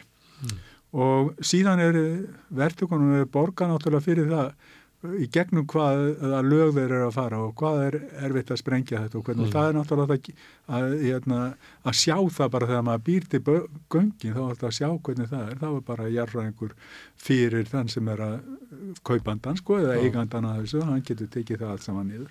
Lí- eh, svo sem býður út er líka með sinni jarðfræðing hann er líka með sinn hann segir þetta verði mjög auðvöld og létt. Nei, það segir, það er ekki, nei, það er, núna er þetta nefnilega, brey, þetta hefur breyst svolítið mikið og líka núti í Sviss. Mm. Það er eiginlega, sko, það besta sem getur komið, það er ef þú ert með góðan jarðfræðing og jarðtæknifræðing til þess að túlka þessi gögn, Mm. að þá, hérna, það sparar alveg óhemju fjö. Það er ekkit, sko, það sem þú leggur í, í það, að það kemur margfald aftur tilbaka. Mm. En stundum er það líka þannig að sá, sá sem er að láta byggja þetta, hann veit líka, þeim er meira sem hann veit, þeim er réttari áallum færa hann á hvað þetta tekur langa tíma, hvað þetta kostar mikið og hvað verður erfitt og svo leiðis. Þeim er minna sem hann veit, þeim er meira áhættu er hann að taka. Mm. Svo fer þetta út í það að uh, verkkaupi fer að reyna að koma áhættunni yfir á aumingja verktakan. Mm. Þetta er allstað svoleiðis að hérna, sá sem er á í jarðvegin, Mm. hann ber áhættuna á öllu því sem að kemur þá í ljós, þannig að hann vil vita þetta sem best. Og þarna var hægt að teikna þessi jarðbang þannig að það var hægt að gera mjög fína áallun um það hérna, hvað það myndi kosta mikið, hvað væri mikið slandberg og hvað væri mikið að sprungun sem var erfitt að fylla og svona. Og svo var náttúrulega með jarðhittan. Og það voru boraðar hólur líka, en bara í endunum. Og það voru mælt hittastig sko, í þessum borhólum. Og það var greinilegt fyrirfram Mm. að það var hittastígull, Mm. að hækkaði hittastig Í lengri svo stinn. Já, en þú vissir ekki nákvæmlega um það, en það var náttúrulega að vita að það eru jarðvitasvæði þarna í kring sem er ekkit langt í burt, eitthvað kannski 10-20 kílómetra og Mm. jafnvel í beinni línu eða eitthvað svoleiði sko. Ég man ekkit hvað þetta er langt, en það, það var að vita sko að, hérna, að það gæti verið, en hvar það myndi vera eða hvernig, eða hvort það væri, það, var, það vissum en ekki, en það var hægt að sjá að það, þetta gæti verið þannig að það var eh, hérna, gert ráð fyrir því að að borað yrði sko á undan sér Mm. til að sjá við, það er vel hægt að bora sko alveg 100 200 metra horisontal Mm. inn í göngin hérna, Áður á undan stóra sér. já, áður en þú ferð að sprengja þannig Mm. og viti svona nokkuð veginn hvað er að koma ég veit ekki hvernig það verður en mér skilst að það hafi eitthvað það hafi eitthvað klikkað sko Já. En það er alltaf verið að leita ofta Mm. einhverjum sökudólgum og svona Mm. sem eru kannski ekki til Nei. Svo komið að mörgum jargöngum. Má bjóða þér jargöng uh, til Vestmanni? Ég, veistu að ég var spurður að þessu nýlega og ég hérna, svaraði því alveg öruglega alveg rámt sko en það var bara einn maður nú er ég komið hérna í sjónvapið ég myndi ekkert fara að gera það núna Nei. Nei. en það er hins vegar Mm. sko að hérna, auðvitað er það hægt Mm. En hérna, það, er, það er engin ástæða til þess þú ert með eila, þó að þess að ferjur hafi verið í einhverjum vandamálum þá er það bara Ok, þá ágætis skal laus. spyrja það öðru. Hérna, mundur þú í dag setja höfn þar sem að landið er höfnar? Við það sem að, að markafljót ber fram. Allan sandinn og fyllir hana ég, jafnóðum. ég lærði eitt ári jarfræði í metaskólanum í Reykjavík. Mm. Það var bók eftir Þorleifur Einarsson Já. og hérna, þar var talað um þetta hérna, hvernig aldan kemur sko ská hérna, að landinu, Já. fer út aftur og svona sikk-sakk og það er, var talað um að það væri svakalegu ströymur af sandi meðfram allri ströndinni að það væri útilokað að byggja þar hérna höfn. Sjórin ber sand upp Já, að já, hérna, Já. landinu en ekki bara öfugt. Þetta, þetta, þetta sem mennskjælingur hefði ég sagt nei, Nei. en svo hérna, er náttúrulega ímislegt hægt sko. Það eru til dæmis út í Sviss, þar sem að Östuríki og, og, hérna, og Svissi og Þískaland koma saman við bótinsi vatnið. Mm. Það rennur rínafljót út í bótinsi vatnið Mm. og þetta er mjög fallegu staður þarna og, og þetta efra rínafljóta það er að bera svaka mikið leir og sand og grót Mm. að það er að fylla þarna upp í vatni og þeir eru búin að eru alltaf að lengja hérna, varnagarðin sko Mm. til þess að koma þessu hérna, lausu jarfiði sem er að berst með alltaf, Já. koma því og helviti langt út sko Mm. og það er aldrei nógu langt út en ef að þeir hefði ekki gert það þá var þetta löngu sko orðið að landi Mm. allt sem er sem sagt austan megi við minnið á þessu, þessari á Já. En, en það er og þá, þá var það bara linda og brek eins og þetta eru túristastæðir og svona, það, það er óperað þarna út í vatninu. Þetta var allt bara þurru landi sko. þannig að hérna, þetta er hægt. Mm. og það er eins, eins með, það kann að vera að það sé að, að með miklum tilkostnaði náttúrulega að, að koma hérna, þessum görðum eða, eða þessari höfn að lengja það einhvern veginn að Það er að en það er, það er ekki bara lengja eistri hérna, Já. varnagarðin hérna, þannig að en þetta er ekki, þetta var talið ógleift sko, en það er líka þannig þegar ég kom hingað heim eftir nám að þá hérna, uh, þá var nú ímislegt ekki talið hægt Mm. sem er hægt núna. Já, að það sagði við mig sko það var eiginlega bara það var bara svona hvað segja, álgjöru vendipunktur sko að hérna ég var þá að gaman að segja samt frá þessu Mm. að hérna, ég kom þá og var fyrsti maður sem hafi lært eh, hérna, jarverkfræði sem mm. í háskóla og, hérna, og var síðan sá fyrsti sem eh, var, fekk stöðu sem sagt hjá prívatfyrirtæki Mm. á verkfræðistofu og þar var ég settur í hérna, hérna teigarhorn og, og þessa fljótstalsvirkjun Mm. það var fljótlega komin inn, í, inn í það og var að gera eitthvað úttektir þar á, á jarfræðinni og, og svona með og þá var verið að hérna, þá var þessi virkjun á, á teikniborðinu og það voru eintómir skurðir þvers og kruss um alla þessa heiði sem er alveg 25-30 km langir skurðir frá einu staði í annan og vera að ná þessum vötnum hverju frá sér allt í og ná þessu öllu þarna yfir það sem að, að stíplan er núna á, á teigarhorn að komast þar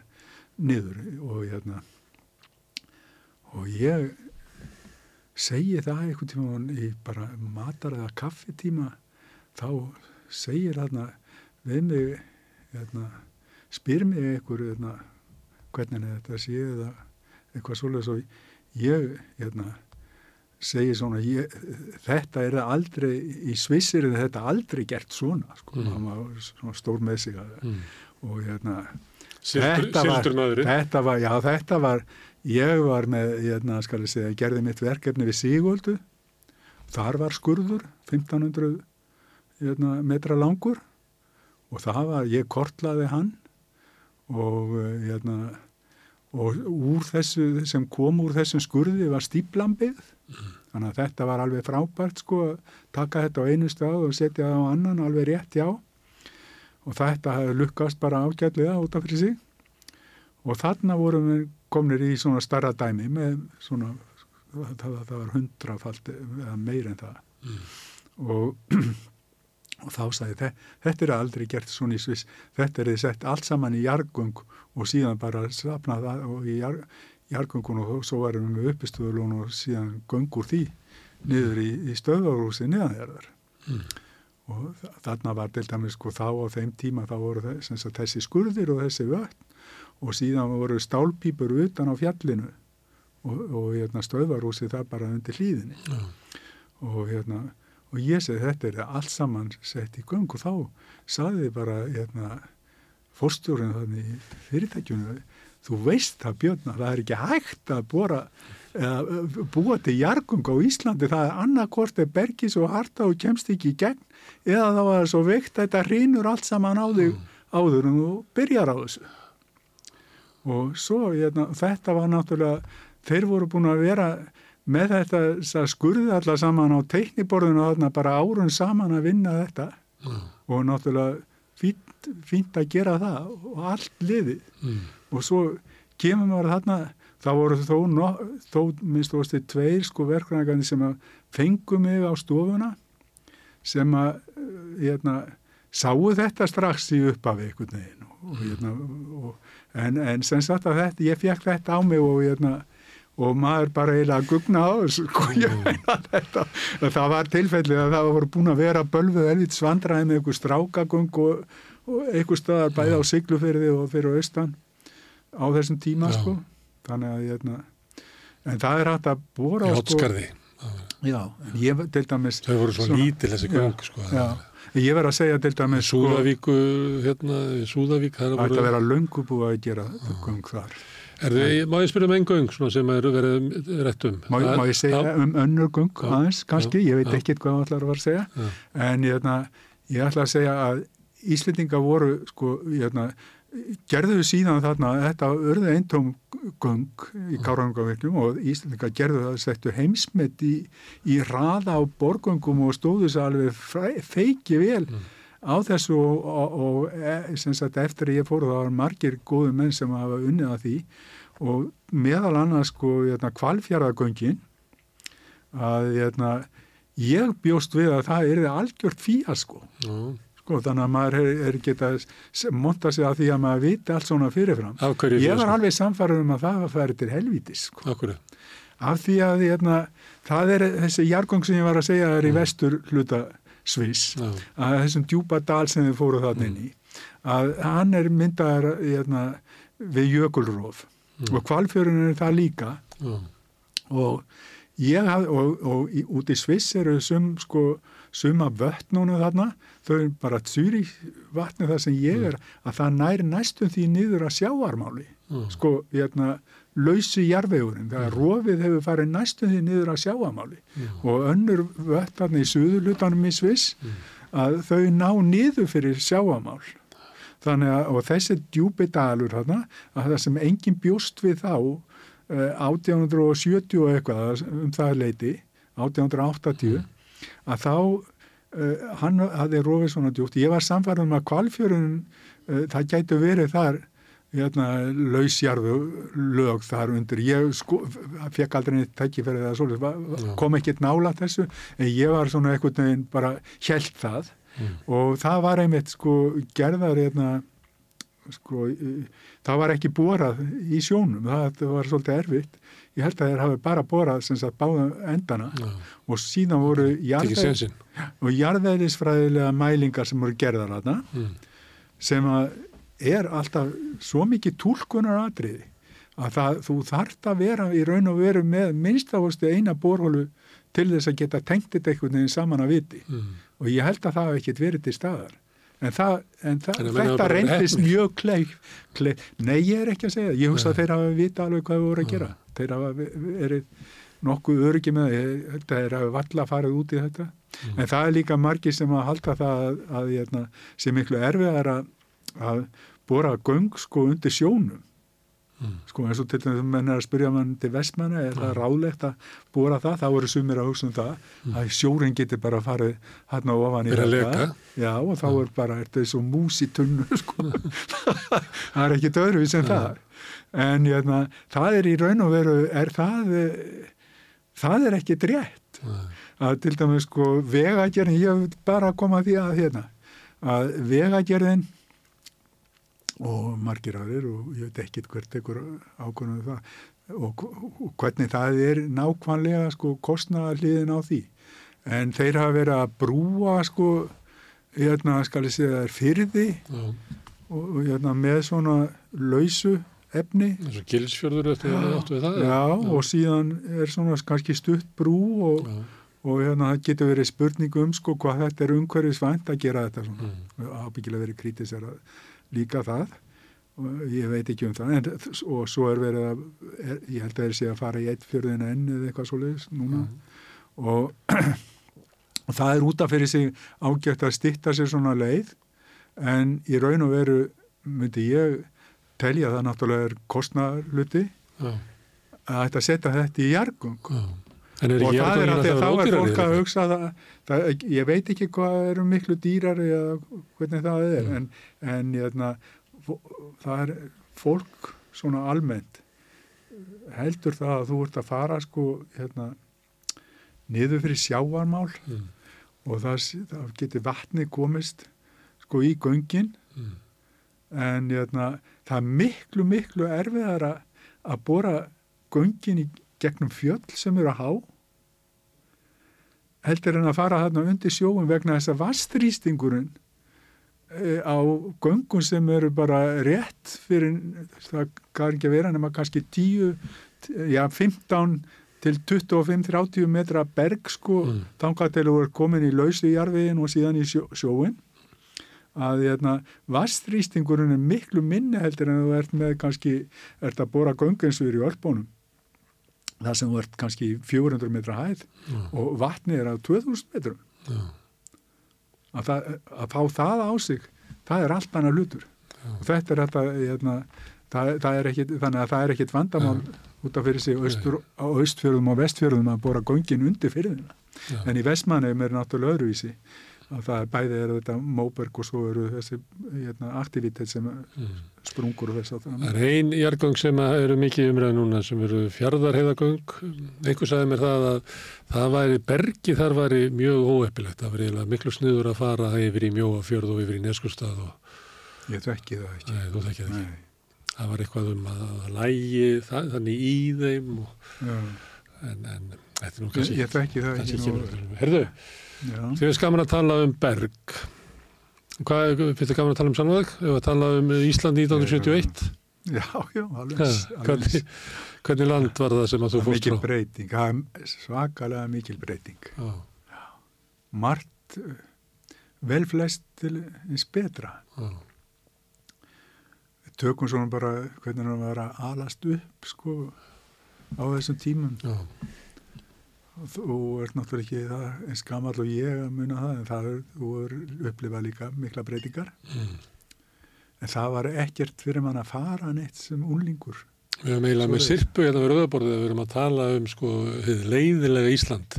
Ég er að tala við hérna, krakkana sem að fóru til uh, Kaupmannhafnar. Ég leita bara einhverju fjörura lífi. Ég líka verið að tala um pöngarana hvaða upprið það var gegn Íslandi og það hefur verið svona þema undarfærið um hvað Ísland hafi verið ótrúlega grátt og döft og ég hef ekki, ég hef bara mjög góðar minningar sko já, það er hérna, það var að vísu fáir staðir svona, maður fór á var á mentaskóla áraunum sko þarna fyrir 71 að þá fór maður á mokka en maður þekkti það ekki þegar maður var í gagfræðaskóla og við fórum á hressingaskálan og sátum þar yfir einu svona kaffibólla Já. nákvæmlega eins og þessu hérna. já, já. Þess að við erum að gera núna. Og, hérna, og það var bara gaman sko, hérna, við vorum að og það var liðið sko, við værum þarna allt kvöldið og svo var, var komið staður hérna fyrir ofan sig í tröð og fórum mjög mikið þangað sko. Og svo voru það bara sjoppur og svona. Og þegar að ég þegar að ég kem heim svo 80 og, og það var náttúrulega ekki þetta að fara nokkuð skapaðan hluta út að borðið eða neitt svoleiðis. Það var bara, það var sko, með þess að þegar ég kom 84 að þá var samskonar eins og ég fór frá eiginlega, af því að það var hérna, það, þú gast farið sko, ef það var einhver stórháttíðir í Súlnasalina og Hotel Sögu út að borða kannski á einhverja ára fresti með fóröldruðinum í ammæli Mm. og það var til Hotel Holt og Hotel Borg. Og þá var þetta eiginlega bara upptalið. Og svo var eiginlega bara pilsuvagnin þarna nýri í stræti sem er enn Mm. þarna nýri við höfn. Og á þessum tíma sem ég var í mentarsson þá var að koma sko það var askur það var hægt að fá borða kjúkling sem að það aldrei nokkuð tíma hérna, neitt lagsétti munns Mm. og svo komum við kannski er eitt en þegar ég já, er þegar, hverfukjúlingur. þegar við komum heim Já, að þá, hérna, skal ég segja þér, 84, þá var, voru þrýr, hérna, drengi sem voru, hafðu verið að læri í Fraklandi sett upp staðins í þrýr frakkar. Mm. Það var fyrsta veitingahús sem var bara veitingahús og ekki hótel. Það var ekki hérna, kom hérna hotnið 79, það eru nokkri staði sem voru stopnað Var það? Já, það er, það er, því- af því að fyrir Já, þann tíma það, það var eiginlega það var sko, eiginlega ekki neitt. Sko, það var eiginlega sama sko, áfengistefna og var á keisaratímanum í Rúslandi Já, sem var þannig að, að það mátti afgreða áfengi en bara á hótelum. já, Þannig að þú, ef þú keftið þér rauðvín með matnum, að þá varst að geta lagt í líka. já, já.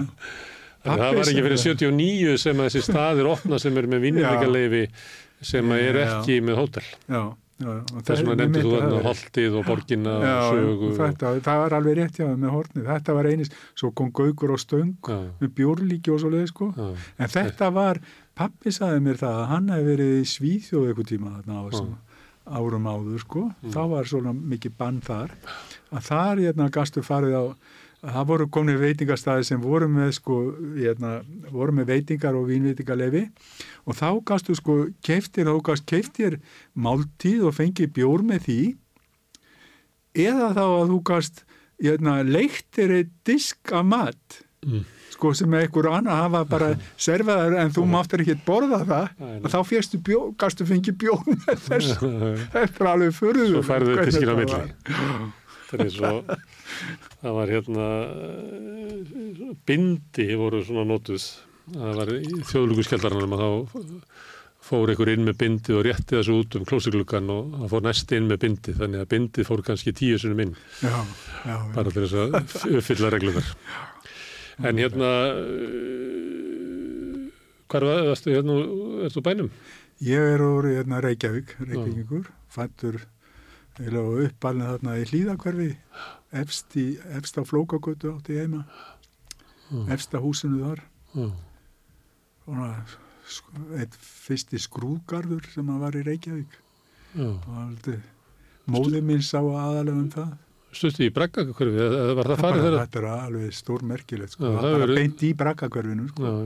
Þetta er eins og ég ætla alltaf að skrifa æfisögu mína. Já, svo að því að þetta er svo sérstakur staður um að vera alast upp í svo kemur bara hérna, Einar Kárásson fyrir löngu, löngu síðan og skrifar þetta bara sjálfur. Um það sem að, gulllegan eða eitthvað já, það sem að klessist saman svona sveit og, og barga, braggarnir og Já, svo já. einhverju uppbygginga og einhverju næstu Reykjavík og Já, það er svo mikið degla. maður er svona að hugsa um það að, hérna, sko faði minna hann var forgangsmaður að því þú varst með búseta þarna frammi Mm, hjá hérna, verkamannabústöðum og mm, var mikið í því að, að eiginlega útrýma líka þessum braggakverfum og byggja fyrir hérna, þá sem að átti ekki kannski efna á því að byggja já, þau, þau, þau áttu með teima fyrst sko á hátisveginum í verkamannabústöðum þar. Já, og hérna og síðan hefum við verið að hugsa stundum um það að fara þarna upp á þetta holt þarna, hodnið á flókokut og stakkalíð alveg mitt inn í miðju braggakverfi sko. Og það voru að reyndar voru svona sko verstæði og þess áttar akkurat á þe- þessu svæði en það voru þarna, það eru tvö hús eiginlega sko á flókagutunni sem eru ný mm, miðað það, þannig að þau eru byggð eitthvað tíma kannski kringum uh, 57 til 60 eða eitthvað svo leið sko. Mm. að það var, voru ripni brakkarnir sko og maður var með þessum krökkum öllum saman að leika sér og þannig að maður kynntist þessu öllu saman. Og það, það var svona fóreldra mínu voru bara sæmilega vel stæðir þannig að það, þetta var talsveit mikið öðruvísi heldur en þessir sumt af þeim krökkum sem að eh, hérna, voru þar að alast upp og það var mjög misma, mismandi sumt eh, hérna, var, voru erfileikar sko hjá fólki, þetta var mikið húsnæðisvandamál og fólk var að flytja hérna í bæin og það var ekkert húsnæði til að handa því voru með kindur þarna fyrir ofan framvöllin til dæmis mm, voru sveitamenn sko sem að voru þar með, með fjárú sem að var í kringum þetta sko, það var alast, alast upp þarna já. Já, það var, var- fjárbúskapur inn í, inn í borginni. og þetta var ekkert vel. leiðilegt sko, alls ekki Þú, sko. þú ert náttúrulega lukkuna pannfíl að, að, að það var svo mikið af börnum þegar þú varst barn já, að ég var eitthvað um að slá á það bara svona frá hagstofunni að, að þegar ég var hérna 6 eða 7 ára og var sendur út að leika já, að þá voru sko, í minnir að það veri sko 36% af íbúinu voru börn. Já, en núna ef þú eh, sendir 7 ára út að leika þá voru kannski bara 80% af íbúinu voru börn. Já, þannig þetta var ílega svona einhver leiti var svona eins og væri okkar heimur svona barna heimur svona til hlýðar Já. eða undir inn í borginni sko. Já, það var alveg náttúrulega flættu bara börn út úr öllum gluggum. Já, já, já, já. Þetta er frábært sko eins og til dæmis hérna núna á eftir að þá fer ég hátegismat með strákunum sem voru með mér í barnaskólanum, vísaskóla og, og í hlýðaskólanum að við erum að hittast og þetta er bara svo dásanlegt sko og það eru það eru, það er engi stjættaskipting svoleið sem að Nei. var eða þannig það er það var náttúrulega stjættaskipting en hún var Var ekki svona ekki. menningarleg að, að Nei, ef ekki, þú fórst sko. að vinna um Nei. sumarið í einhverju Já, að þá varst að vinna með fólki frá öllum stjættum þetta er að sko munurinn sko. þetta er svakara ég held að það sé ekki í dag sko. Ég held að börn ríka fólksins var bara eitthvað allt annað sko. Já, það getur verið. Það getur vel verið. Þannig er þetta víða ellendi sko Já. og þá hef ég sagt það st- stundum, Þið var kannski til Sviss í Já. tungumálanám í Sviss. já, já, að ég, ég hef sagt það stundum sko að, ég, að því að svislendingar eru svaka, voru svaka miklir hermenn Já, alla sína tíð sko, þegar allum miðöldum eru þeir að berja sem málaliðar sko, hérna, út um allt og hver á mótu öðrum eru sumir í þýskaliðinu og einir í þessu franska og aðri með austuríkismörgum Habsburgurum og, og á móti hérna, feneyingum og á móti Písa og þeir eru að berjast þarna allstaðar allar miðaldir. Og þeir eru að koma heim með hérna, peningin Mm. og byggja þarna svona hús eins og þetta hérna alveg mm. nöys þykk þarna upp í fjöllum. uh, sem að ég ætla að skal ég segja er fyrir fengin sko, þetta er eins og vikingarnir að þeir Þetta eru náttúrulega að þetta. Það er ljóst að segja það, já, að þá er þetta náttúrulega land sem er byggt á sko, fjallaræningum. Sem Já, að, hérna, ætlar að fara til Ítalíu og fórst hann í gegn, að þá tók, hérna, læriðu þér, fyrst rænduðu þér, Já. svo fattu það að vera kannski sniður að bara taka hluta af fengnu þeir fundu upp tollana. Já. og það er hérna landið byggt upp á þessu. Þetta eru fjallaræningjar sem urðuðu tolletumunum. Já, já, já, þetta er eins og hérna, vikingarnir okkar sko. svo er maður að sjá það síðar að þetta eru bara eh, hérna, menningarjörfar þarna úr eh, á milli hérna frá Jóna í, hérna hjá Írlandi og þessum stöðum sko, þannig að þetta er ekki allt svona alveg, en þetta er tilfelli að þeir voru þetta. Og ég segi það stundum sko að þegar vorum að tala um hérna, þessa stjættaskiptingu sem er þar úti sko að, við erum að læra þetta þegar við vorum að vinna. Ma, ég var sko hérna, bæði í fiskvinnslu og í, hérna, í, í skreið og slíta humar og, og hérna, taka inn úr kóla og svo var maður í malbygginu og ég var með þessi öskukall heilt sumar, það var bara það besta sem ég gatt gert sko. Mm. og hérna og ímislegt svona, þá var enginn sem að, ég held, það var, Björgvin Gíslason hérna sem er gítarleikari, við vorum saman í þessu í öskunum þarna eitt sumar. Og hérna og ég, þarna kynntist maður ímsu það var til dæmis þegar ég var í Malbygginu þá vorum við að gera við göturnar. Og uh, hérna og það, þá var maður sóttur sko bíl, ég nenni nú ekki að segja það það er mjög skondin saga hvernig það var. En það endaði með því að ég spurði hérna, við gerðum eiginlega ekki neitt að við vorum að, alltaf á leiðinni í kaffi eða í vinnuna og mm. vorum sóttur á vörubíl sko. Og svo spurði ég hann að hann Svenna það var gamalt maður sem að komið svona bara nálægt í sem að ég er orðið núna. Mm. spurði hann hvernig er þetta hjá okkur á, á veturnar við erum hérna í þessum malbygguna viðgera flokk sem að er að sirka út hvar séu hólur svo er þetta að fylla. Og svona en á veturnar er, er alltaf snjór og hérna bara kuldi og, og hvað gerir þið? Þá segir hann við mig hérna já það er nú svolítið slæmt sko á veturnar af því að þá er svo kallt og, og ég verði að sitja hérna upp á palli einsamall í boddíunu af því að, að hérna, hinnir eru inn í, í Bedford bílum og, Eðna, það var svona tvær sætaraðir Mm. eru þar í, í lífunu og við erum vanir að fara bara hérna eftir kaffi sko upp í breiðholt og það er bak við blokk og býðum til ádegis þannig var það. Og, en ég segi sem stundum þetta að, eh, hérna, að hér herðþjónastan þarna út í Sviss sem er svolítið Mm. sérstök og menn eru lengi, lengi í þessu og, og eru með vopni heima hjá sér og eru tilbúin að verða að skjóti í marka sem sagt árlega ákveð Já. þannig að þeir geti farið með þetta og vita hvernig þeir reynsa byssutnur og svona allir í varaliðinu Já, Mm. að þeir sko þeir eiginlega er að ná tengslum á milli stjættana þar mm. Og þetta, ég líki þessu við, svolítið við þessa vinnu sem við vorum að tala um Mm. og skólagarðana. Mm.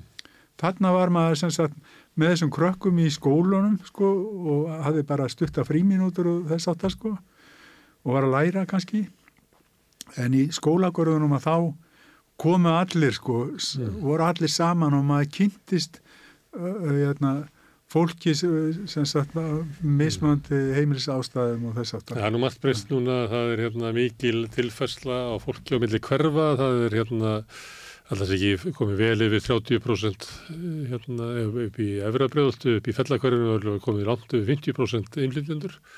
Já, Í Garðabænum er það kannski 4%.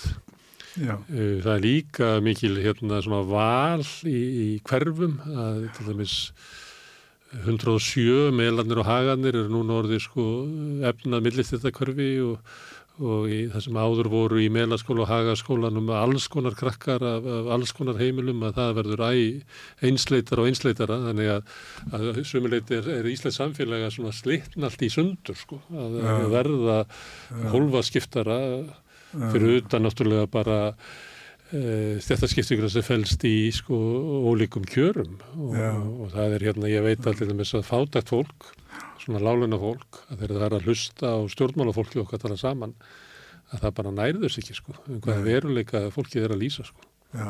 og það er náttúrulega Þetta er mjög slæm, mjög slæm þróun og hérna, þú ert að tala sko, um hérna, þessa innflytundur sem eru í þessum, mm, eru í, í, komin í sérstu hverfi að það er bara hérna, sorglegt að við séum að lendi því að gera eitthvað svona reygin, sko reygin feil mm, sem að löngu búið að gera ellendis og, og eitthvað sem að þeir ráð ekkert við. Það er mm, víða, í Stokkólmi eða Marseille, mm, uh, París, uh, mörgum, mjög víða í þessum borgum sem að þetta þróast í þessa átt að, er að hverfi verða, já og hverfi náttúrulega fara líka, það er, það er ekki að, hérna, sko, hvað maður að segja, það er ekki að þegi yfir því heldur, Mm. að hverfi geta breyst til hins verra með innflytjum sem er að koma að ef þú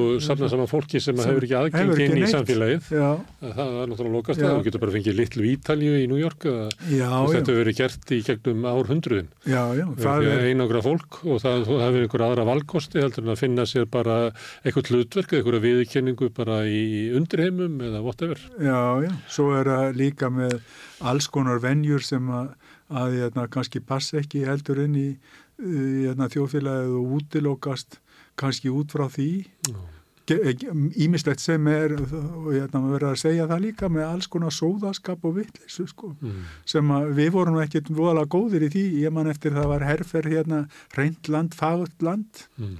ég veit ekki hvort þú mannst eftir því ég því.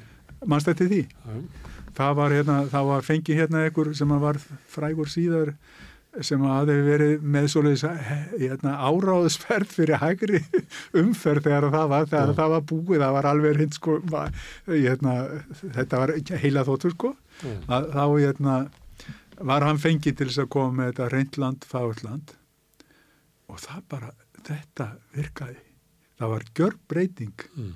hér á Íslandi með allt þetta rusl sem var fljúandi, hann var, fór hérna út á Reykjavík flugvöld að taka á móti einhverjum kannski útlendingum með, Já. sem voru að koma, mamma hans var að sína manni á, það var svona hænsnanett eða svoleið skýrðingi þarna.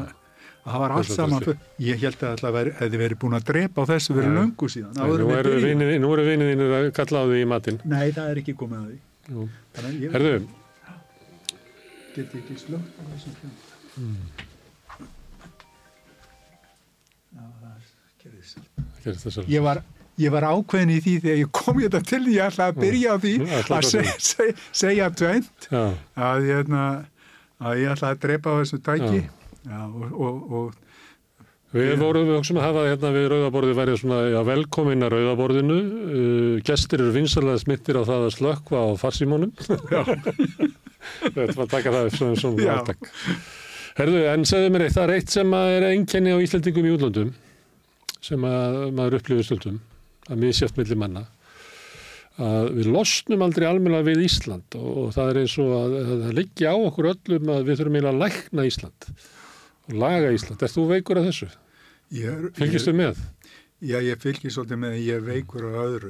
Ég, ég veikur á allt öðru. sem er, Ég er með svo mikla heimþrá æ, og, hérna, og uh, það er eiginlega ástæðan fyrir því að maður er að, að koma enga upp aftur núna svona meira og, að og svo ég verð ekki lækna Ísland en það er uh, það sem er líka önnur veiki það er að ég lend alltaf í því að fara að tala um Ísland þegar ég er úti Mm. og, en ekki um það sem er slæmt heldur það sem er gott Þú þar ert að selja Ísland. já Mm. ma, og, hérna, og þetta er svoleiðis að hérna, kona mín vill ekkit fara með mér neitt á neitt staða því að, að hérna, annarkvort kem ég og er með fólki sem við þekkjum ekki og við setjumst þarna við borð og ég segi ekki nokkuð skapaðan hlut. Mm. en um leið og það spyr hvað maður er að þá náttúrulega get ég ekki hérna, fara að ljúga þó að ég sé hraðlíin Já, og hafa alltaf verið. Já, gerðu fyrir að íkja eitthvað svona ég get ekkit það yfir því hvaðan ég er. Og þá bara snýst allt um það á eftir. Þú, Og brest, þú brestur er í ekki- langar lofræður um Ísland. Já, alls konar svona. Og lofaði ég að spyrja eins og þú ert að gera þá. Er ekkit að það stoppa manni þetta. Og þá bara situr hún og, og, og kemst ekki það Þannig, það er ömmur svo taug. Já, römm er svo tök, hún er mjög römm. Já, en svona, maður, það er það er eiginlega hóplaust að ætla sér fyrir einhvern útlýting ætla að fara að laga Ísland eitthvað hérna, ég held að það sé út og við erum að laga okkur sjálf. Já, og þú sagður þetta að vera helgispjall. Já. það er, sko, og ég er hérna Þetta er spjallum helgi, sko. Já, já, ég veit ekkert, sko, í raun og veru, hérna, hvar ég er stattur í þessu rauða herbergi, en, en hérna, ég sá náttúrulega því ég kom hérna inn, eh, hva, hvar þið eru í pólitíkinni. Og hérna, og ég veit ekki, sko, það sem að mér finnst í raun og veru vanda mjög mikið uh, og ég, ég var sennilegast er það allavega hérna eins eins og er úti Mm. að það vantar talsveit mikið á að, að hérna sem að var gott í minni æsku hérna, að fara í sunnudagaskóla og, og all, allt um trúabröðin og halda þessu við mm. af því það er bara það er svo margt sem er bara mjög gott í því Mm. Öll þessi etik Mm. að þú er ekki að gera náungaðinum það sem að þú vilt ekki að aðri geri þér eða eitthvað svoleið sko. Það, ef, ef að færa allir eftir þessu að þá værum við bara í mjög góðum málu það þyrfti ekki meira en þetta, bara þetta eina bóður Mm. en það er hérna, en hérna og mér finnst uh, Það hefur nú margt breyst, sko. að margt breyst í því Það er ekki alveg, þessi stemming er ekki alveg, sko. Það er nú Nei. frekar þannig að, nei, það, þetta er ekki alveg þannig, Björn minn, sko. Það er best bara hver hugsi um raskatöðsólum sér. Hver gerir það einlaglega, þá mun rýsa hérna upp í veröld, Já. björt og góð. Þetta er eiginlega, við veist, stemmingin að vera meira þarna svona undanferðin, hún, hún er orðin svona. Já. Já, Að við hefum bara aðal drifkrafturinn af því að maðurinn er eigin gött skefna, að þá er að leifa honum að hugsa um, um sjálfa sig.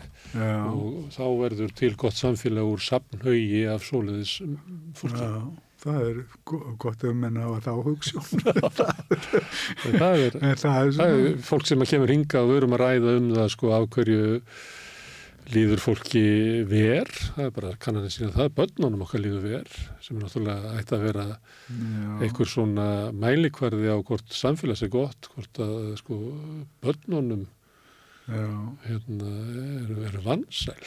Það ætti að vera bara, bara bú, bú, bú Já. og eitthvað viðbröð. Ég vel að þessi nærmaða nú að, með þessa bók. Já.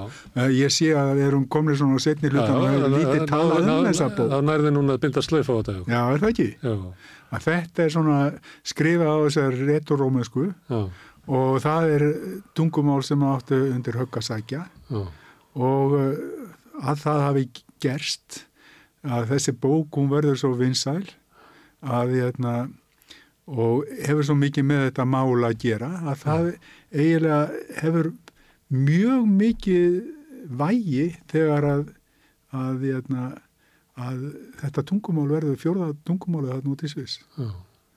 og þetta er Ein lítil barnabók. já, ha, Ein lítil barnabók. Velti lítil barnabók sko og ég, hérna, ég veit ekki hvort það er að segja sögutráðin í þessu. Nei, ég vil lega fólk að lesa þetta. Já, lesa hana. Þetta er ævintýri. Fæst í Eymundsson og í kokku.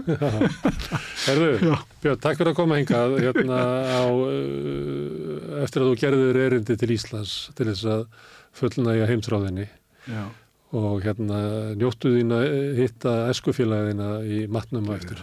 Ha, það er nú líklega ekki til betri, uh, betra val fyrir mann með heimtráð heldur en að gera það. Nei, það er Já. alveg rétt. Já, herðu, njóttu. Já, þakka þér fyrir. Var gaman að tala við. Já, herðu, ég þakka byrni kjærlega fyrir og ykkur sem hafið staldra hérna við og hlustað á, á tala okkar.